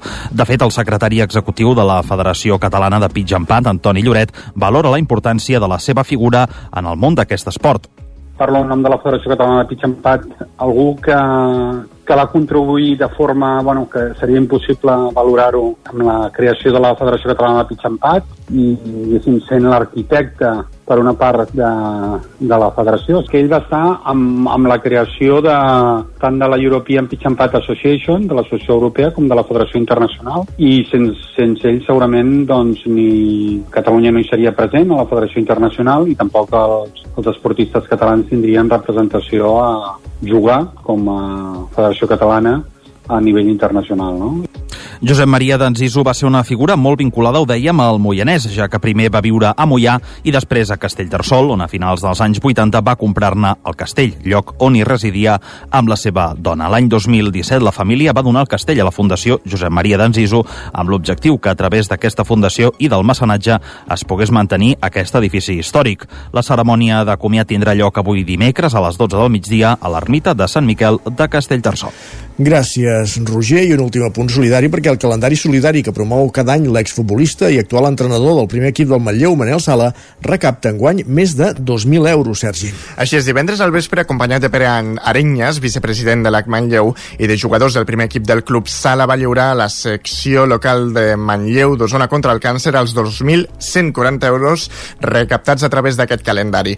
El lliurament es va fer precisament al camp de futbol del Manlleu. L'entrenador va voler destacar la ajuda de les diverses empreses que ho han fet possible, així com també dels jugadors del primer equip, del qual va destacar la seva implicació. Tot plegat forma part de la campanya Tots sumem contra el càncer que porta a terme Manel Sala. Des que es va posar en marxa ara fa 4 anys, ja ha recaptat gairebé 10.000 euros. Gràcies, Sergi. Ara sí que acabem aquí aquest repàs informatiu que començàvem al punt de les 10 en companyia de Sergi Vives, Isaac Muntades, Roger Rams i Enric Rubio. És moment al territori 17 de saludar de nou en Pep Acosta, l'home del temps.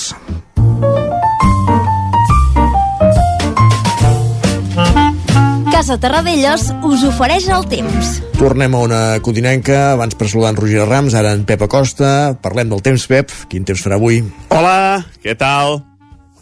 Continuem amb aquesta dinàmica de, de nits poc fredes.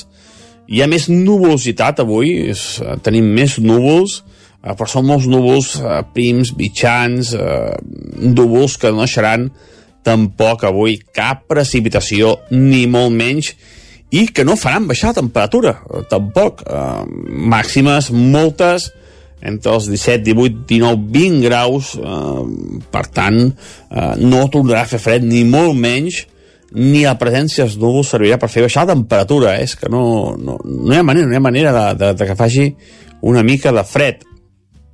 Veurem els pocs dies també amb aquesta entrada, amb aquest canvi de temps, si fa una mica més de fred, però bueno, jo ja no m'ho crec, ja no sé, ja, ja no sé ni què farà, ja veurem, ja veurem, eh? eh? Ja dic, ja, ja concretarem més el canvi de temps, però no sé si farà gaire més fred del que, del que tocaria ni gaire més fred del que fa ara. El que està clar és això, eh? el dia d'avui, eh, molt tranquil, eh, no farà fred, més núvols, això sí, més núvols, però molts, això, prims, mitjans, sense cap precipitació i unes temperatures força suaus a migdia. Moltes gràcies, fins demà. Adeu. Gràcies a tu, Pep. Parlem demà. Casa Tarradellas us ha ofert aquest espai. I ara, quan falta un minut perquè sigui un quart d'onze del matí al Territori 17, parlem del tren.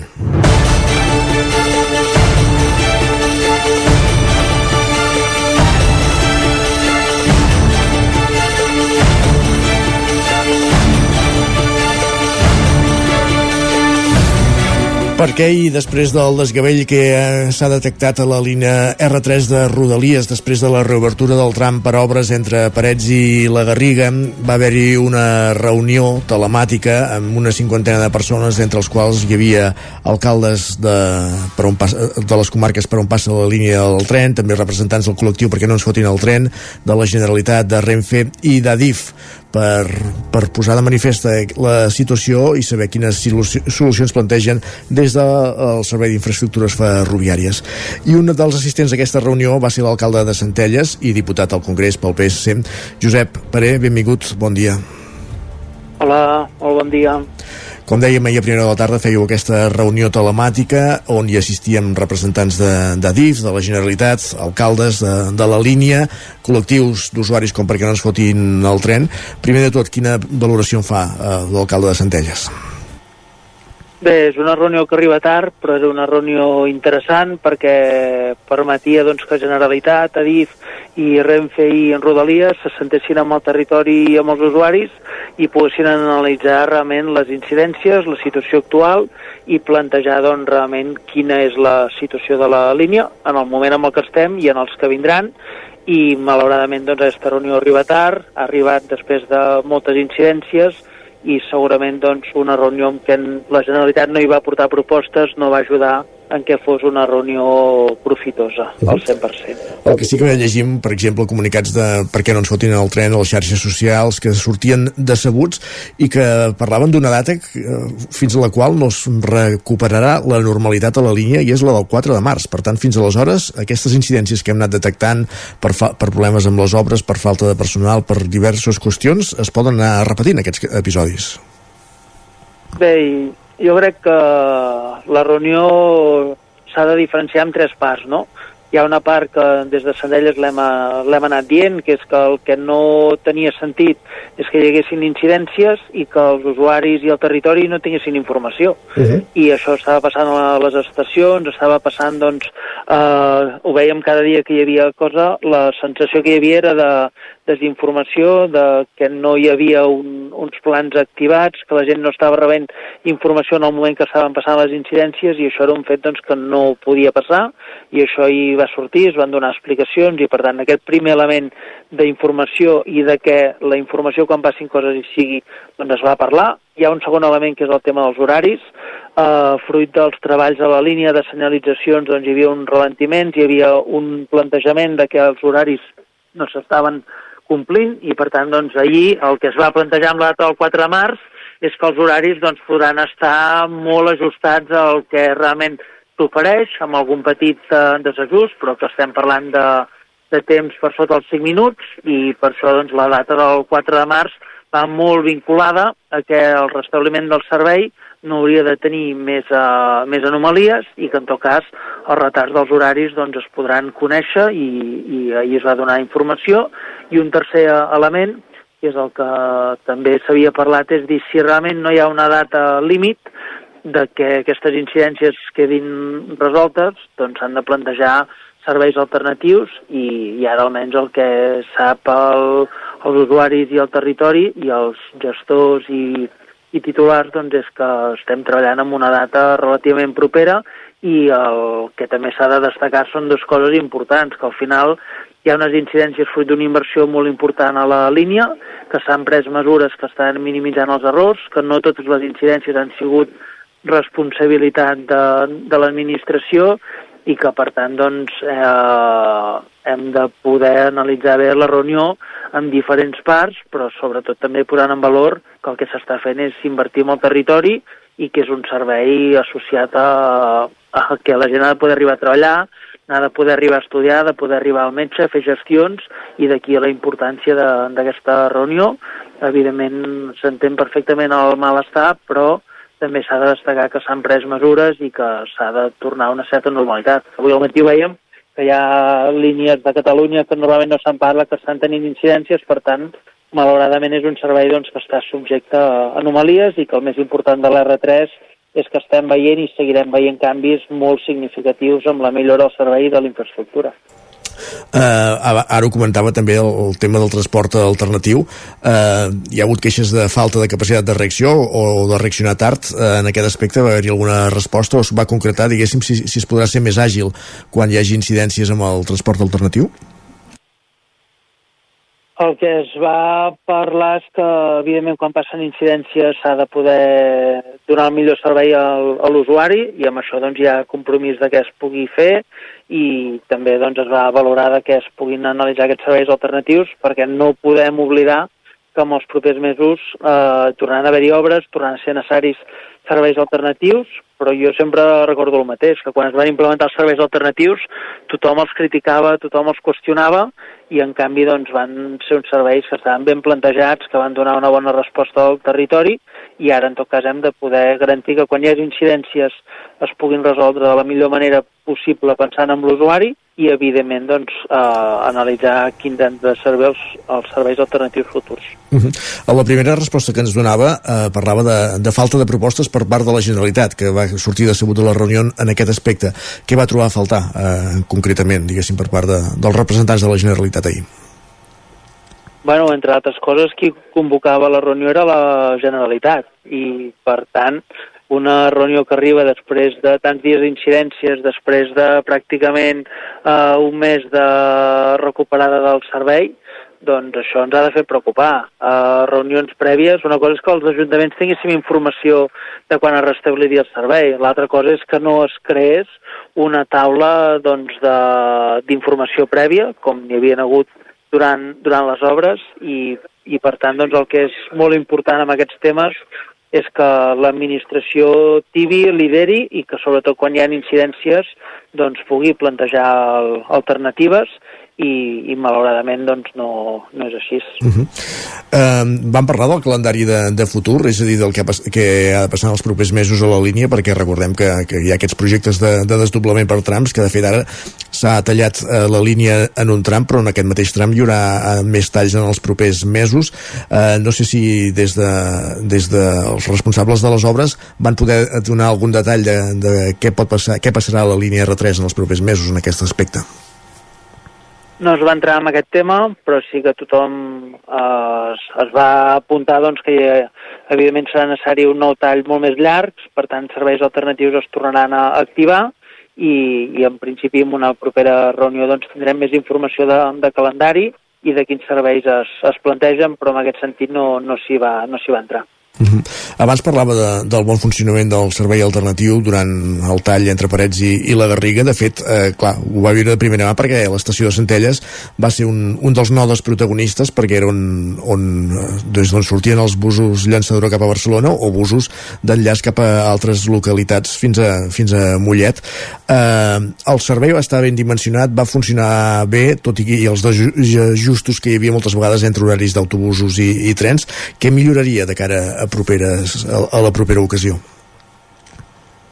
Bé, són serveis molt, molt complexes i que, evidentment, era un dispositiu molt important perquè preveia una mobilització d'usuaris molt, molt gran i, i, per tant, doncs, amb les dades que tindran els operadors, doncs, han de poder analitzar bé les alternatives. El que està clar és que les connexions directes de Centelles amb Barcelona és un servei molt utilitzat i molt ben valorat i per tant en aquest sentit doncs, no només esperem que es recuperi sinó és que en tot cas doncs, eh, reafirmar i, i Centelles doncs, en aquest sentit tornar-nos a posar a disposició per poder acollir aquest, aquest dispositiu.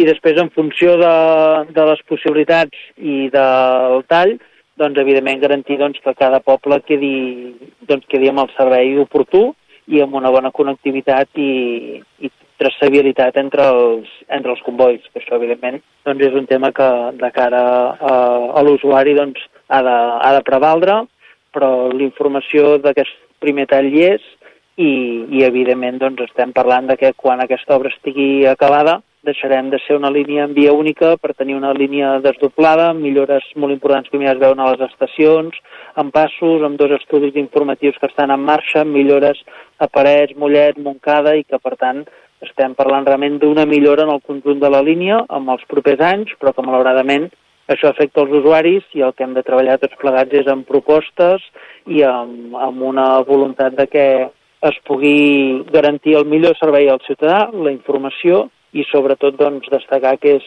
eh, fruit d'una inversió històrica a la, a la línia. Ja per últim, eh, hi ha un, un aspecte que plana sempre que parlem de, del tren, que plana sobre el tren, que és el traspàs de, de rodalies a, a la Generalitat. Abans feia aquesta crítica de falta de, de propostes per part de la Generalitat. Eh, aquest traspàs també comporta altres eh, reaccions, com per exemple aquesta vaga de, de zel que de vegades apliquen els treballadors, els maquinistes, que de, manifesten d'aquesta manera el seu rebuig a aquest traspàs Eh, no sé des del seu punt de vista eh, quina és l'opinió del traspàs de, de Rodalies i en què pot millorar els, la gestió de la línia. Ahir ho parlàvem amb alguns alcaldes quan estava a la reunió i ho dèiem, que segurament la Generalitat el que ha de fer és convocar una reunió també amb tants alcaldes i parlar de seguretat. Hi ha molta inquietud amb, amb aquests temes, amb elements que no s'estan donant resposta i, per tant, evidencia, doncs ahir ho veiem amb el ple del Parlament amb tot el tema de la sequera, la, la gestió de, de, de l'aigua, de diferents polítiques doncs, que competeixen a la Generalitat i que no estan plantejant alternatives i per tant doncs, el traspàs de Rodalies el que està clar doncs, és que ha de quedar garantit que les inversions hi siguin, que el servei funcioni i que tots aquests treballs doncs, que s'han obert doncs, serveixin per poder avançar amb realment quin plantejament es necessita, però que sobretot no vagi en detriment ni de les inversions ni de, ni de que les competències que assumeixi la Generalitat no les assumeixi amb, amb, amb un plantejament molt, molt responsable com malauradament quan hi ha problemes veiem que no sempre es donen les respostes adients.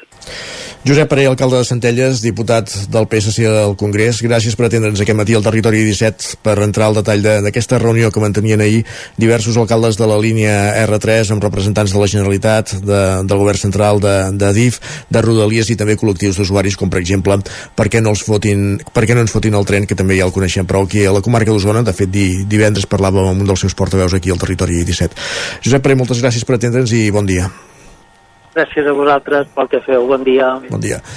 Un minutet, eh, arribarem a la pausa de publicitat aquest, mat aquest matinal aquí al Territori 17, 3 minuts de publicitat i encararem la recta final del programa. Ja ens esperen Guillem Sánchez, com cada matí, amb les pilades més destacades que ha trobat a Twitter i després serà el torn dels solidaris d'una banda en companyia de la Laura Serrat des de Ràdio Vic i avui fixant-nos a Mares Mont de, de Manlleu, parlant amb les, una de les seves responsables, l'Aura Colom, i amb el Territori Sostenible, el podcast, eh, el Territori Podcast. Avui ens fixem amb el territori sostenible en companyia d'en Jordi Givert des d'Ona Codinenca i avui fixant-nos en una empresa agroalimentària del Moianès, de Moià, concretament, que és l'empresa de pastes La Moianesa.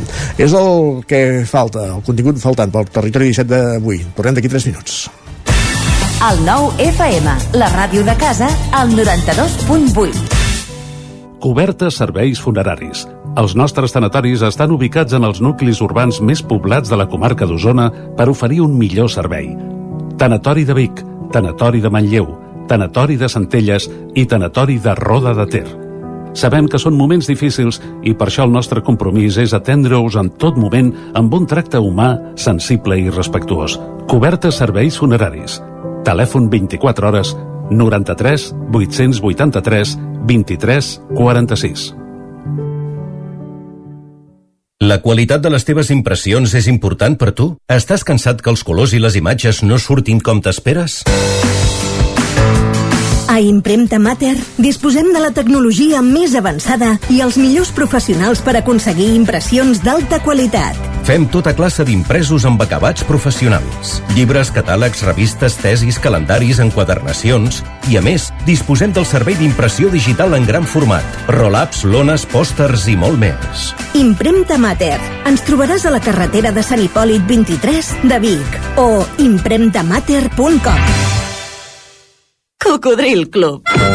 Si t'agrada la bona música dels anys 60, 70 i 80, escolta el 9 FM als matins de dissabtes i diumenges d'11 a 1.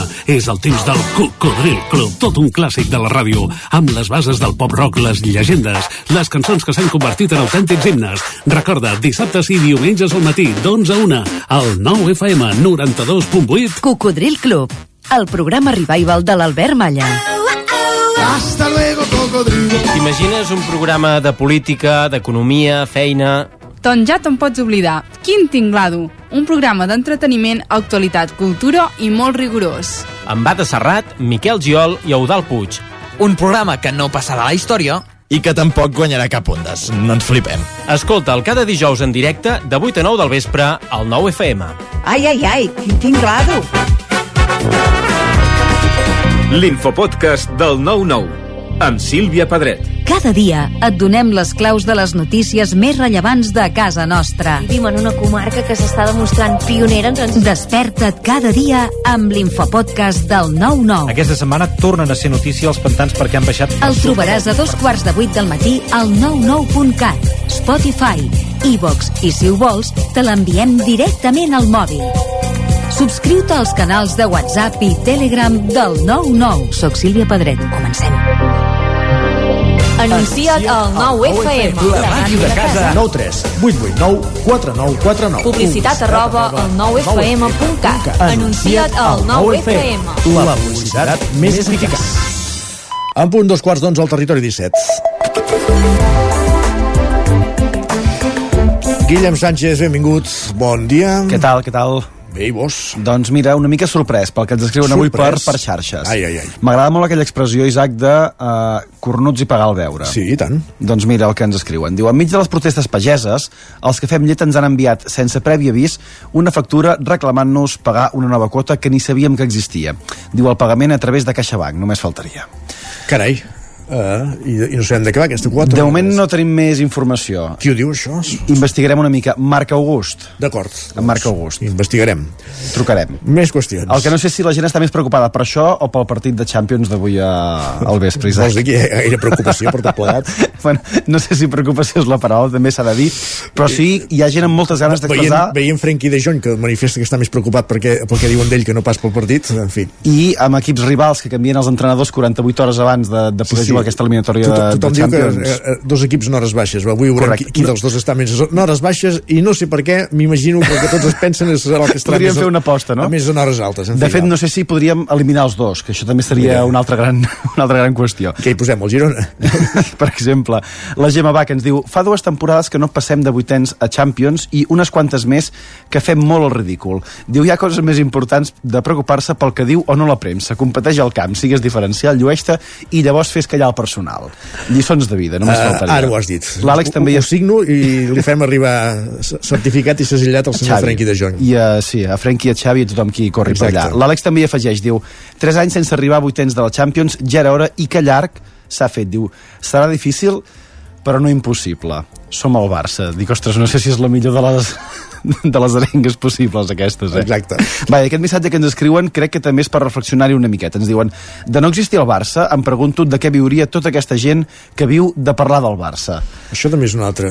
El que serveix per omplir hores de ràdio, de televisió, pàgines de, de diari i el que donarà el partit guany i perdi no facin el que, el que facin, perquè més la, la tornada és d'aquí un mes, no? Ah, sí? És, Això ho- ho és molt desconec, enllà, no, ho em sembla? desconec. Vull dir que hi ha molt, hi ha, hi ha molt marge al mig, em sembla, per. Per, per poder fer. Per fer més el ridícul. I tant, evidentment. Va, no sé si el futbol i el Barça en concret es pot considerar, com dèiem, eh, un dels plaers de la vida. Entrant en aquest debat, la Margalida sí que ho té ben clar. Ens diu, un dels plaers meus, diu, és despertar-te abans que soni l'alarma i comprovar que encara et queden unes quantes hores per dormir. I ràpidament, Isaac, li responen gent com en Carles que li diuen fàcil, diu, tenir una gata que et demana menjar abans de les 7 del matí per no fer-ho. Ai, mandra. Ostres, és que hi veiem... Hi ha d'haver altres sistemes. Evidentment. Que, de fet, per si no ho sabies, Isaac, ahir era el Dia Internacional del Gat. Ah, mira, ves, Jo t'ho deixo aquí apuntat, però es veu que hi ha dos dies més durant l'any que se celebren. Jo sóc més del gat hidràulic, aquell que t'ajuda en, en cas que, que tinguis un, un tinguis rebentón. algun problema. Exacte. També ahir per això va passar una altra cosa que la Sara ens va voler deixar per escrit a xarxes. Ens diu, només som dimarts, però a mi la setmana ja se m'ha fet tan llarga que he hagut d'anar a la peixateria perquè em preparessin un tàrtar de tonyina vermella i aquí em teniu, sopant com una senyora. Carai, tu i el peixateria, tu deixen el tard Aquesta és l'altra pregunta, eh? No sé si ja li van vendre preparat o li van Molt fer bé, els talls bé. allà. Molt bé. El que sí que sabem segur és que no ens va convidar, cosa que també li volem dir des d'aquí, eh? Molt que si ens ho vol deixar provar, que ens enviï Tu una... ho vas provant, eh? però em sembla que no, no, no ho has aconseguit mai encara. jo de moment encara no he rebut cap paquet aquí a la, a la redacció amb alguna de les, de les, de les proves, eh? però, però bé. entesos. Va, i atenció al missatge d'en Marc, ens diu m'acaba de sortir a TikTok una noia que anava amb mi a l'institut i que ja va pel segon fill. Entenc que ell no en té cap. Entenc jo això. ho entenc, entenc sí, sí. això.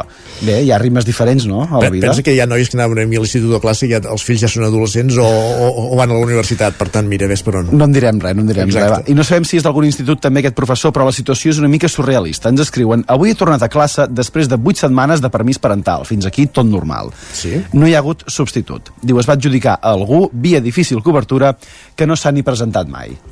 Impressionant. Impressionant. Va, i cap problema, seguim endavant. I d'un professor a un altre, la Mireia, que avui s'ha sentit una mica, una mica gran. Diu, avui la Mireia de 14 anys m'hagués odiat. Diu, he dit la frase de com et torni a veure amb el mòbil, no li torno a la teva mare fins al final de curs. Mm -hmm. Bé, és que ens fem grans tots. Ens fem grans tots, sí, sí. Va, i per acabar, de mòbils va la cosa, ens escriuen avui la Marta, avui toca fer allò que tant he anat aplaçant. Diu, canviar de mòbil suposa rebombori de contactes, recuperar contrasenyes i incògn- incògnita del que sortirà de nou. Espero recuperar aquest compte perquè de la contrasenya ni fum en recordo. Per tant, Ai, no, sé, no sabem si ha estat l'últim missatge de la Marta a xarxes o no, però bé, l'hem pogut llegir aquí. En tot cas, si, si 17. recupera la contra, el password, que sàpiga que a partir d'ara ajorni les coses en lloc de plaçar-les. que Correcte. Sempre anirà més bé. Visca el català. Exacte. Vinga, va. Gràcies, Guillem. Que vagi molt bé.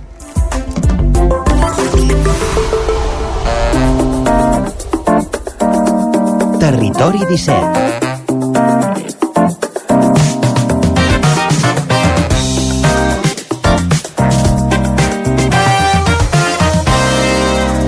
5 minuts que passen de dos quarts d'onze del matí, temps pel Territori Podcast, avui Territori Sostenible amb en Jordi Givert des d'Ona Codinenca i descobrint la fabrica, el fabricant de pastes de Mollà, la Moianesa.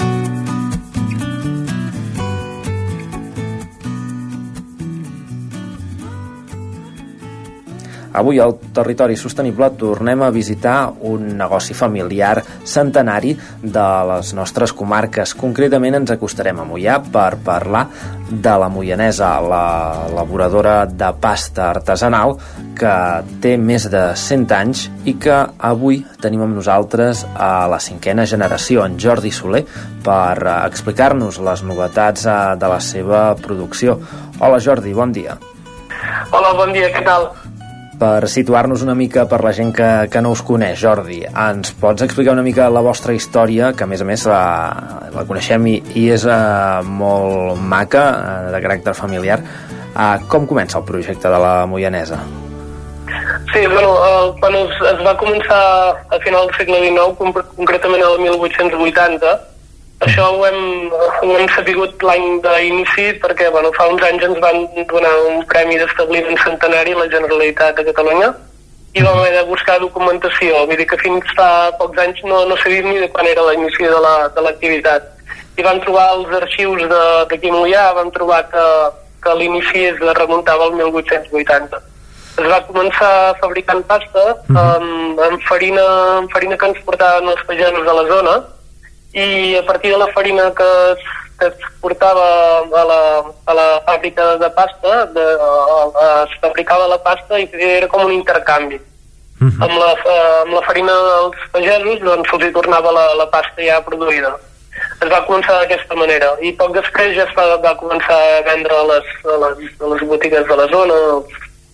Però, però bueno, cada, es va anar, ca- cada, cada cop es anava augmentant més el- l'àrea de, de venda. Es va començar d'on era molt local, sí. després es va començar venent als pobles de, del voltant, fins a Vic, fins a Manresa, cada cop anar ampliant més la l'àrea de, de venda. I així heu, heu anat creixent i, i encadenant cinc generacions de, de Soler a la, a, la, a la família, no?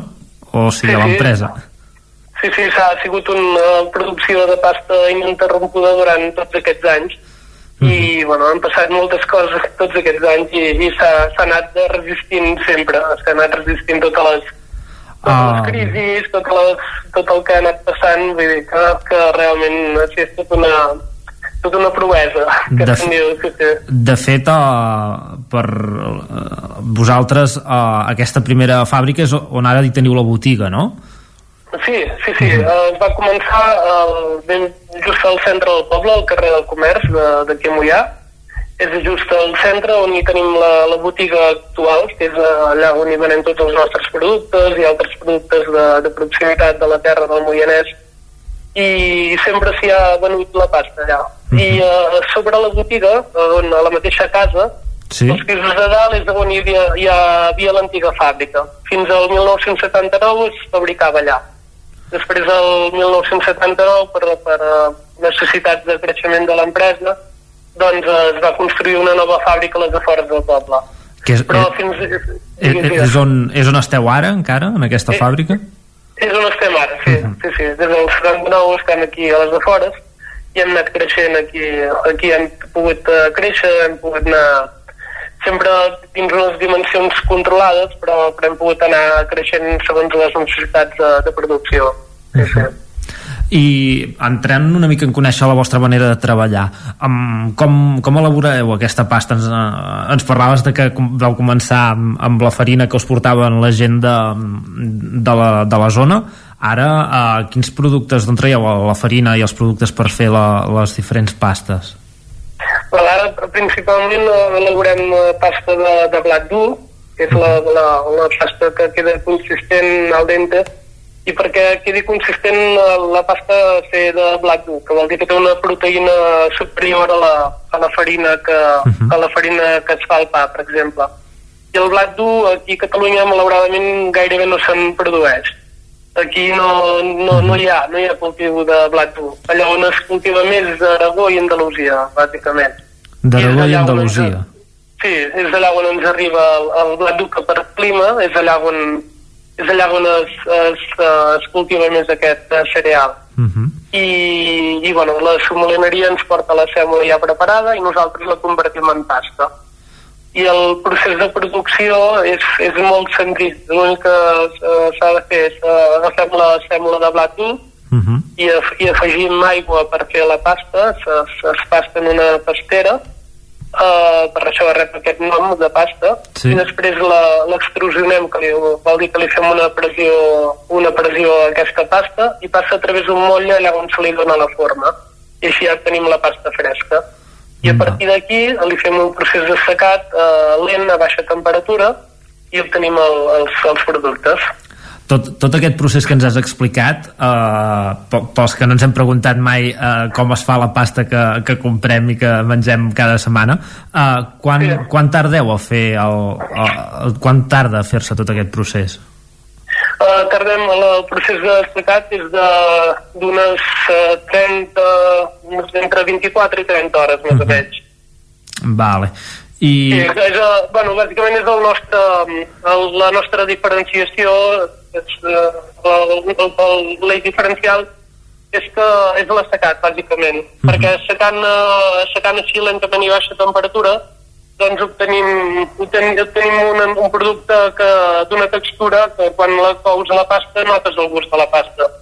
Només posant un raig d'oli pràcticament eh, eh, pots assaborir una pasta. Això no, no, es pot fer, no es pot fer en totes, diguem. o sigui, llavors, o sigui, entenc que una pasta més, amb un procés més industrial i més ràpid eh, eh, es fa més ràpid i té un, evidentment un, un gust més, no es nota tant el gust, diguem-ne No, no, no, no assaboreixes tant el gust del, del blat. O sigui, òbviament, òbviament és, és bona, però, però no, no pots... Eh, necessites una salsa de seguida. Uh, no, eh, quedaria molt insípida si no, si no afegissis una salsa. Nosaltres en el procés de, de secat uh, uh, a baixa temperatura lentament doncs pots aconseguir que, que la pasta tingui gust. Quan menges aquesta pasta dius, ostres, noto el, el gust del blat. És, el, és el, el nostre cavall de, de batalla, com si és més el nostre punt diferencial. I, i entre la vostra línia de, de producció teniu a, algun producte que sigui ecològic o que estigui certificat o, o, sem, o simplement és aquesta manera tradicional de fer-la el, els, els diferents productes i treballeu tots iguals amb, amb ell? Uh, bueno, tenim una línia de producció convencional i una altra línia de producció ecològica. I cada, cada vegada més la producció ecològica va, va augmentant. Sí, perquè no, cada, cada cop més el, el, el consumidor final uh, valora més el producte ecològic i sobretot de proximitat. Mhm. I estem en, en, en, aquest, en aquest camí, bàsicament. i, i de, entrant en la, en la forma um, quina, què produïu més diguéssim, pasta per, per sopa pasta d'espaguetis, macarrons o, o produïu tot o, i quina, quina se'n ven més uh, per, per vosaltres, quina té més èxit Uh, aquí, aquí a Catalunya són molt clàssics. Aquí el que es ven més en diferència són els macarrons, espaguetis, fideus. Aquests tres són els, els reis, com que diguéssim. Va. I tot i que fabriquem moltíssimes especialitats, uh, aquests sempre han sigut els que s'han venut més. En canvi, tenen així a, a Itàlia, a Itàlia uh, proven molt més, uh, moltes més varietats, agraden més uh, uh, varietats diferents. Aquí som, som molt, ja- en aquest aspecte som molt clàssics. Malgrat, malgrat tenim molta cultura de pasta aquí a Catalunya, eh? vull dir que, que tenim moltíssims anys de, de, de cultura de pasta. Justament eh, aquí som de, de, de la, la zona de, de l'estat que, que més, que més, eh, que més cultura de pasta hi ha, perquè ja dic, eh, altres zones pràcticament no, no n'hi ha eh, tanta. A finals, no, a fi- a finals del segle XIX, com, com et dic, que no en sabien gaire ni, ni què era la, la pasta. Eh, La, la, la, la producció de pasta, em refereixo. l'únic és, que, l'únic és que som tradicionals no? diguem-ne que estem Sí. fixats en, en tres tipus més o menys i, i que són els tres que, que consumim Sí, són els que, que tenen més èxit. Sí, sí, sí. I, i ara comentaves això de Catalunya, vosaltres veneu a, a fora, a, a, veneu pasta en altres països, a altres zones de- d'Espanya, o, o és la vostra, el vostre mercat és uh, principalment Catalunya? Principalment venem aquí a Catalunya, però, però després a, a, a Espanya ve- venem a, a través de distribuïdors en altres marques Uh -huh. i després també venem a Portugal i França, bàsicament. Uh -huh. Molt bé, bueno, queden els països fronterers i, i aquí Sí, a Catalunya. exacte. Sí, el, els tres països fronterers. Sí, sí. I en, ens parlaves Sí, sí. que, que aneu traient algunes línies diferents de marques. Eh, teniu alguna novetat eh, que, que hagueu tret recentment al mercat? Uh, bueno, últimament uh, anem, uh, anem innovant cada vegada més. Uh, anem traient, per exemple, hem tret últimament pasta, una pasta amb algues per, un altre, per algun distribuïdor. Tenim, tenim pastes, uh, inclús tenim pasta de, de llegums, fem, sempre anem, anem, anem traient noves novetats, però sempre són uh, els, els distribuïdors pels que treballem ens proposen eh, doncs podria ser eh, la pasta amb gust de tal, doncs va, vinga, provem-ho. I com que tenim una producció una producció petita, doncs eh, ens, les màquines ens permeten fer, fer proves, fer, bueno, anar innovant cada dia. Doncs- En canvi, eh, amb màquines més grans no, no, podríem, eh, no, no, podríem innovar tant, com que diguéssim. És l'avantatge de ser petit, també. Uh -huh. En, doncs ens n'alegrem que, que també la gent estigui tornant a, a comprar pasta també de proximitat.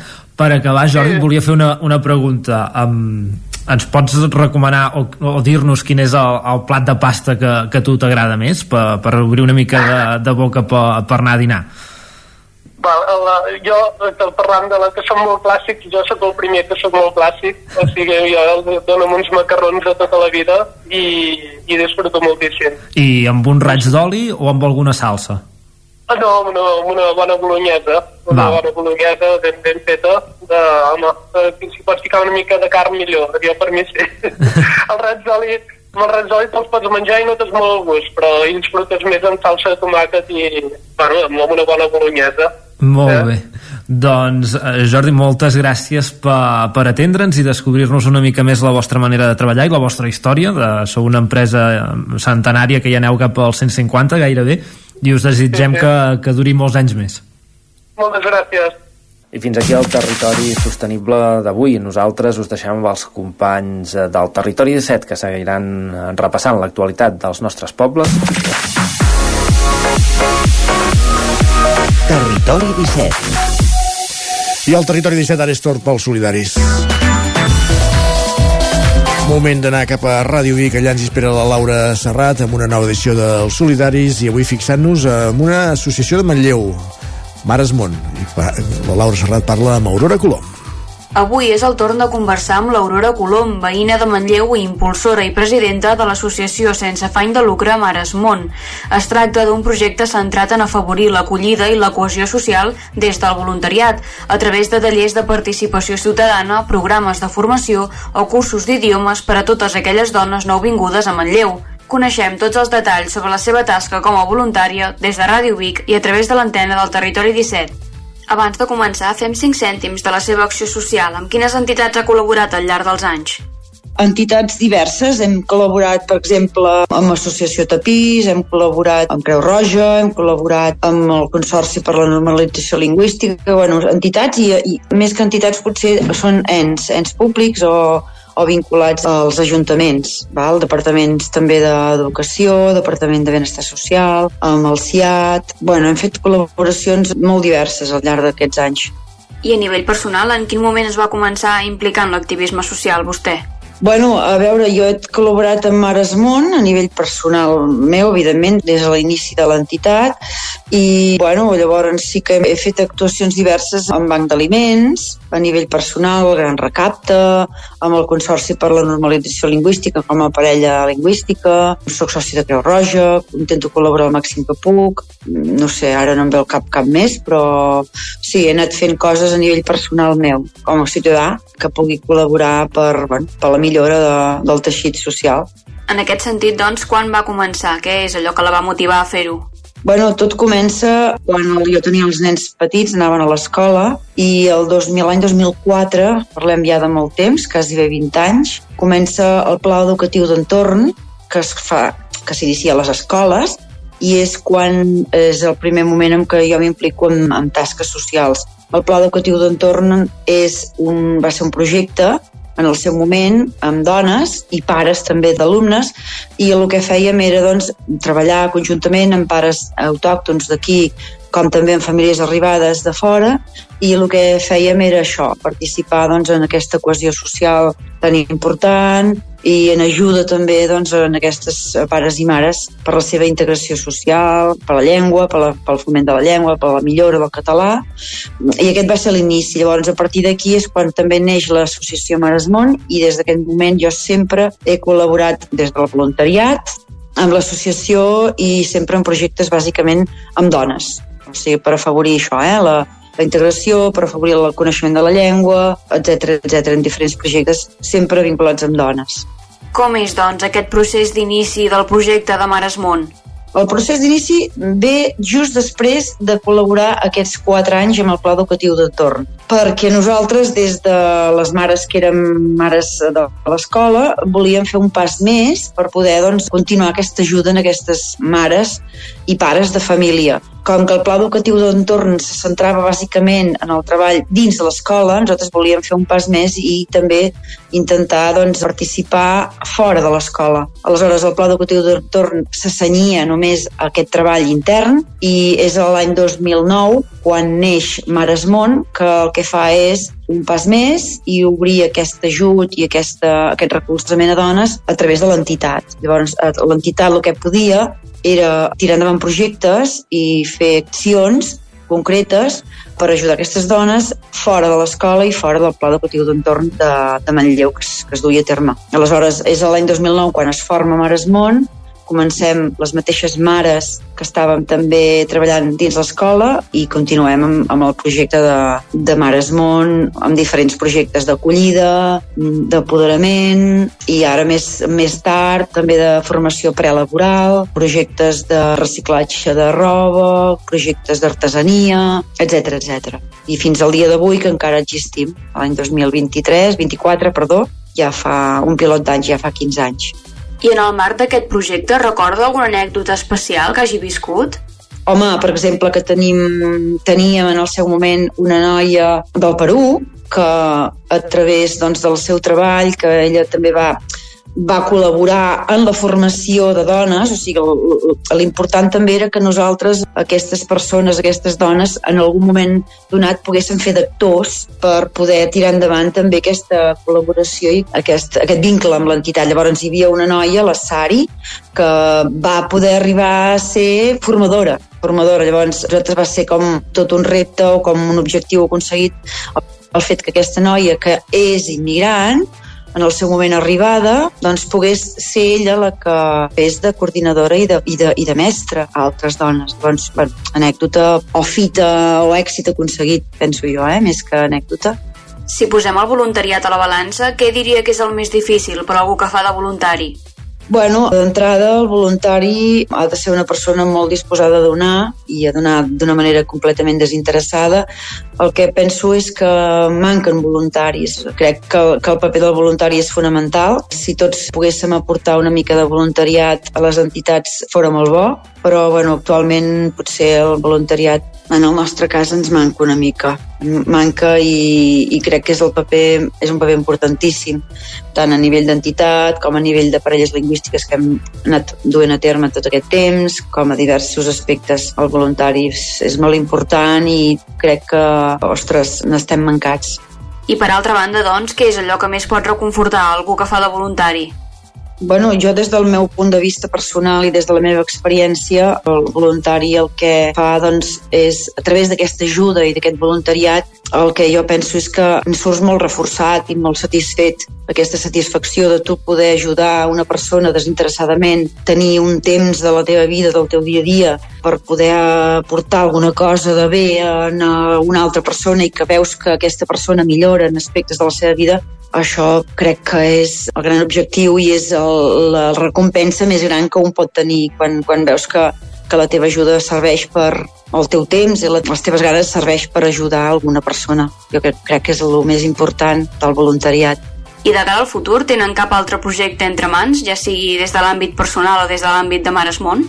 Bueno, l'entitat de moment continuarà, continuarà tot i que en principi els primers anys de l'entitat eren moltes dones voluntàries, ara no som tantes. Projectes de cara a futur, de moment, de moment no en tenim cap, seguim amb els, amb els projectes que fins ara anàvem donant a terme, que són empoderament, treball artesà i també formació prelaboral.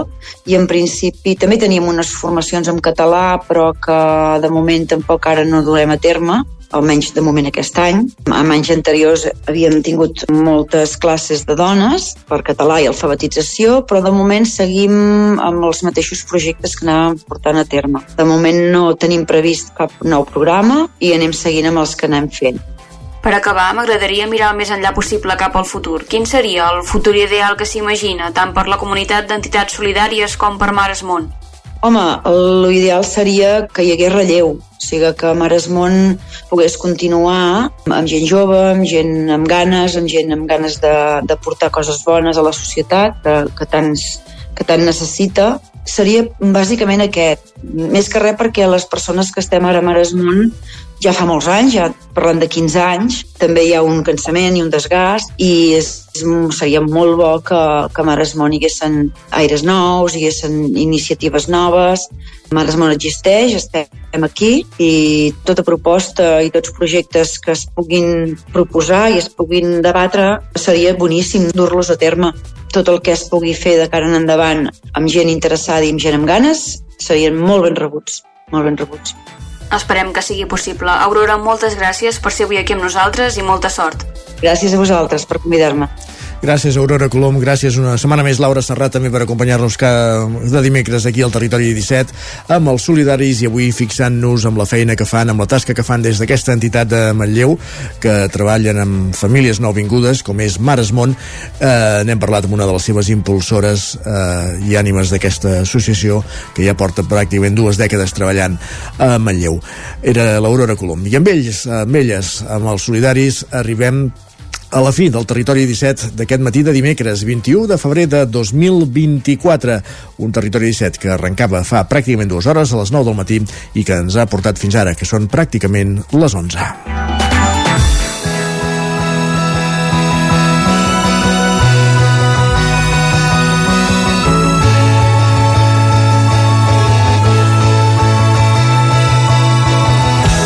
I un territori 17 en el qual us hem acompanyat aquest dimecres Enric Rubio, Roger Rams, Isaac Muntades, Pepa Costa, Guillem Sánchez, Jordi Givert, Laura Serrat, Sergi Vives, Isaac Moreno. I tornarem demà a partir de les 9. Fins aleshores.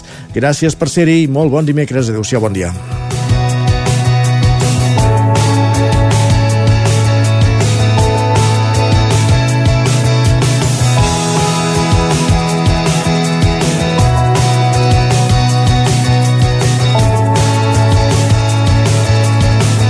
Territori 17, un magazín del nou FM, Ona Codinenca, Ràdio Cardedeu, Ràdio Vic i La Veu de Sant Joan, amb el suport de la xarxa.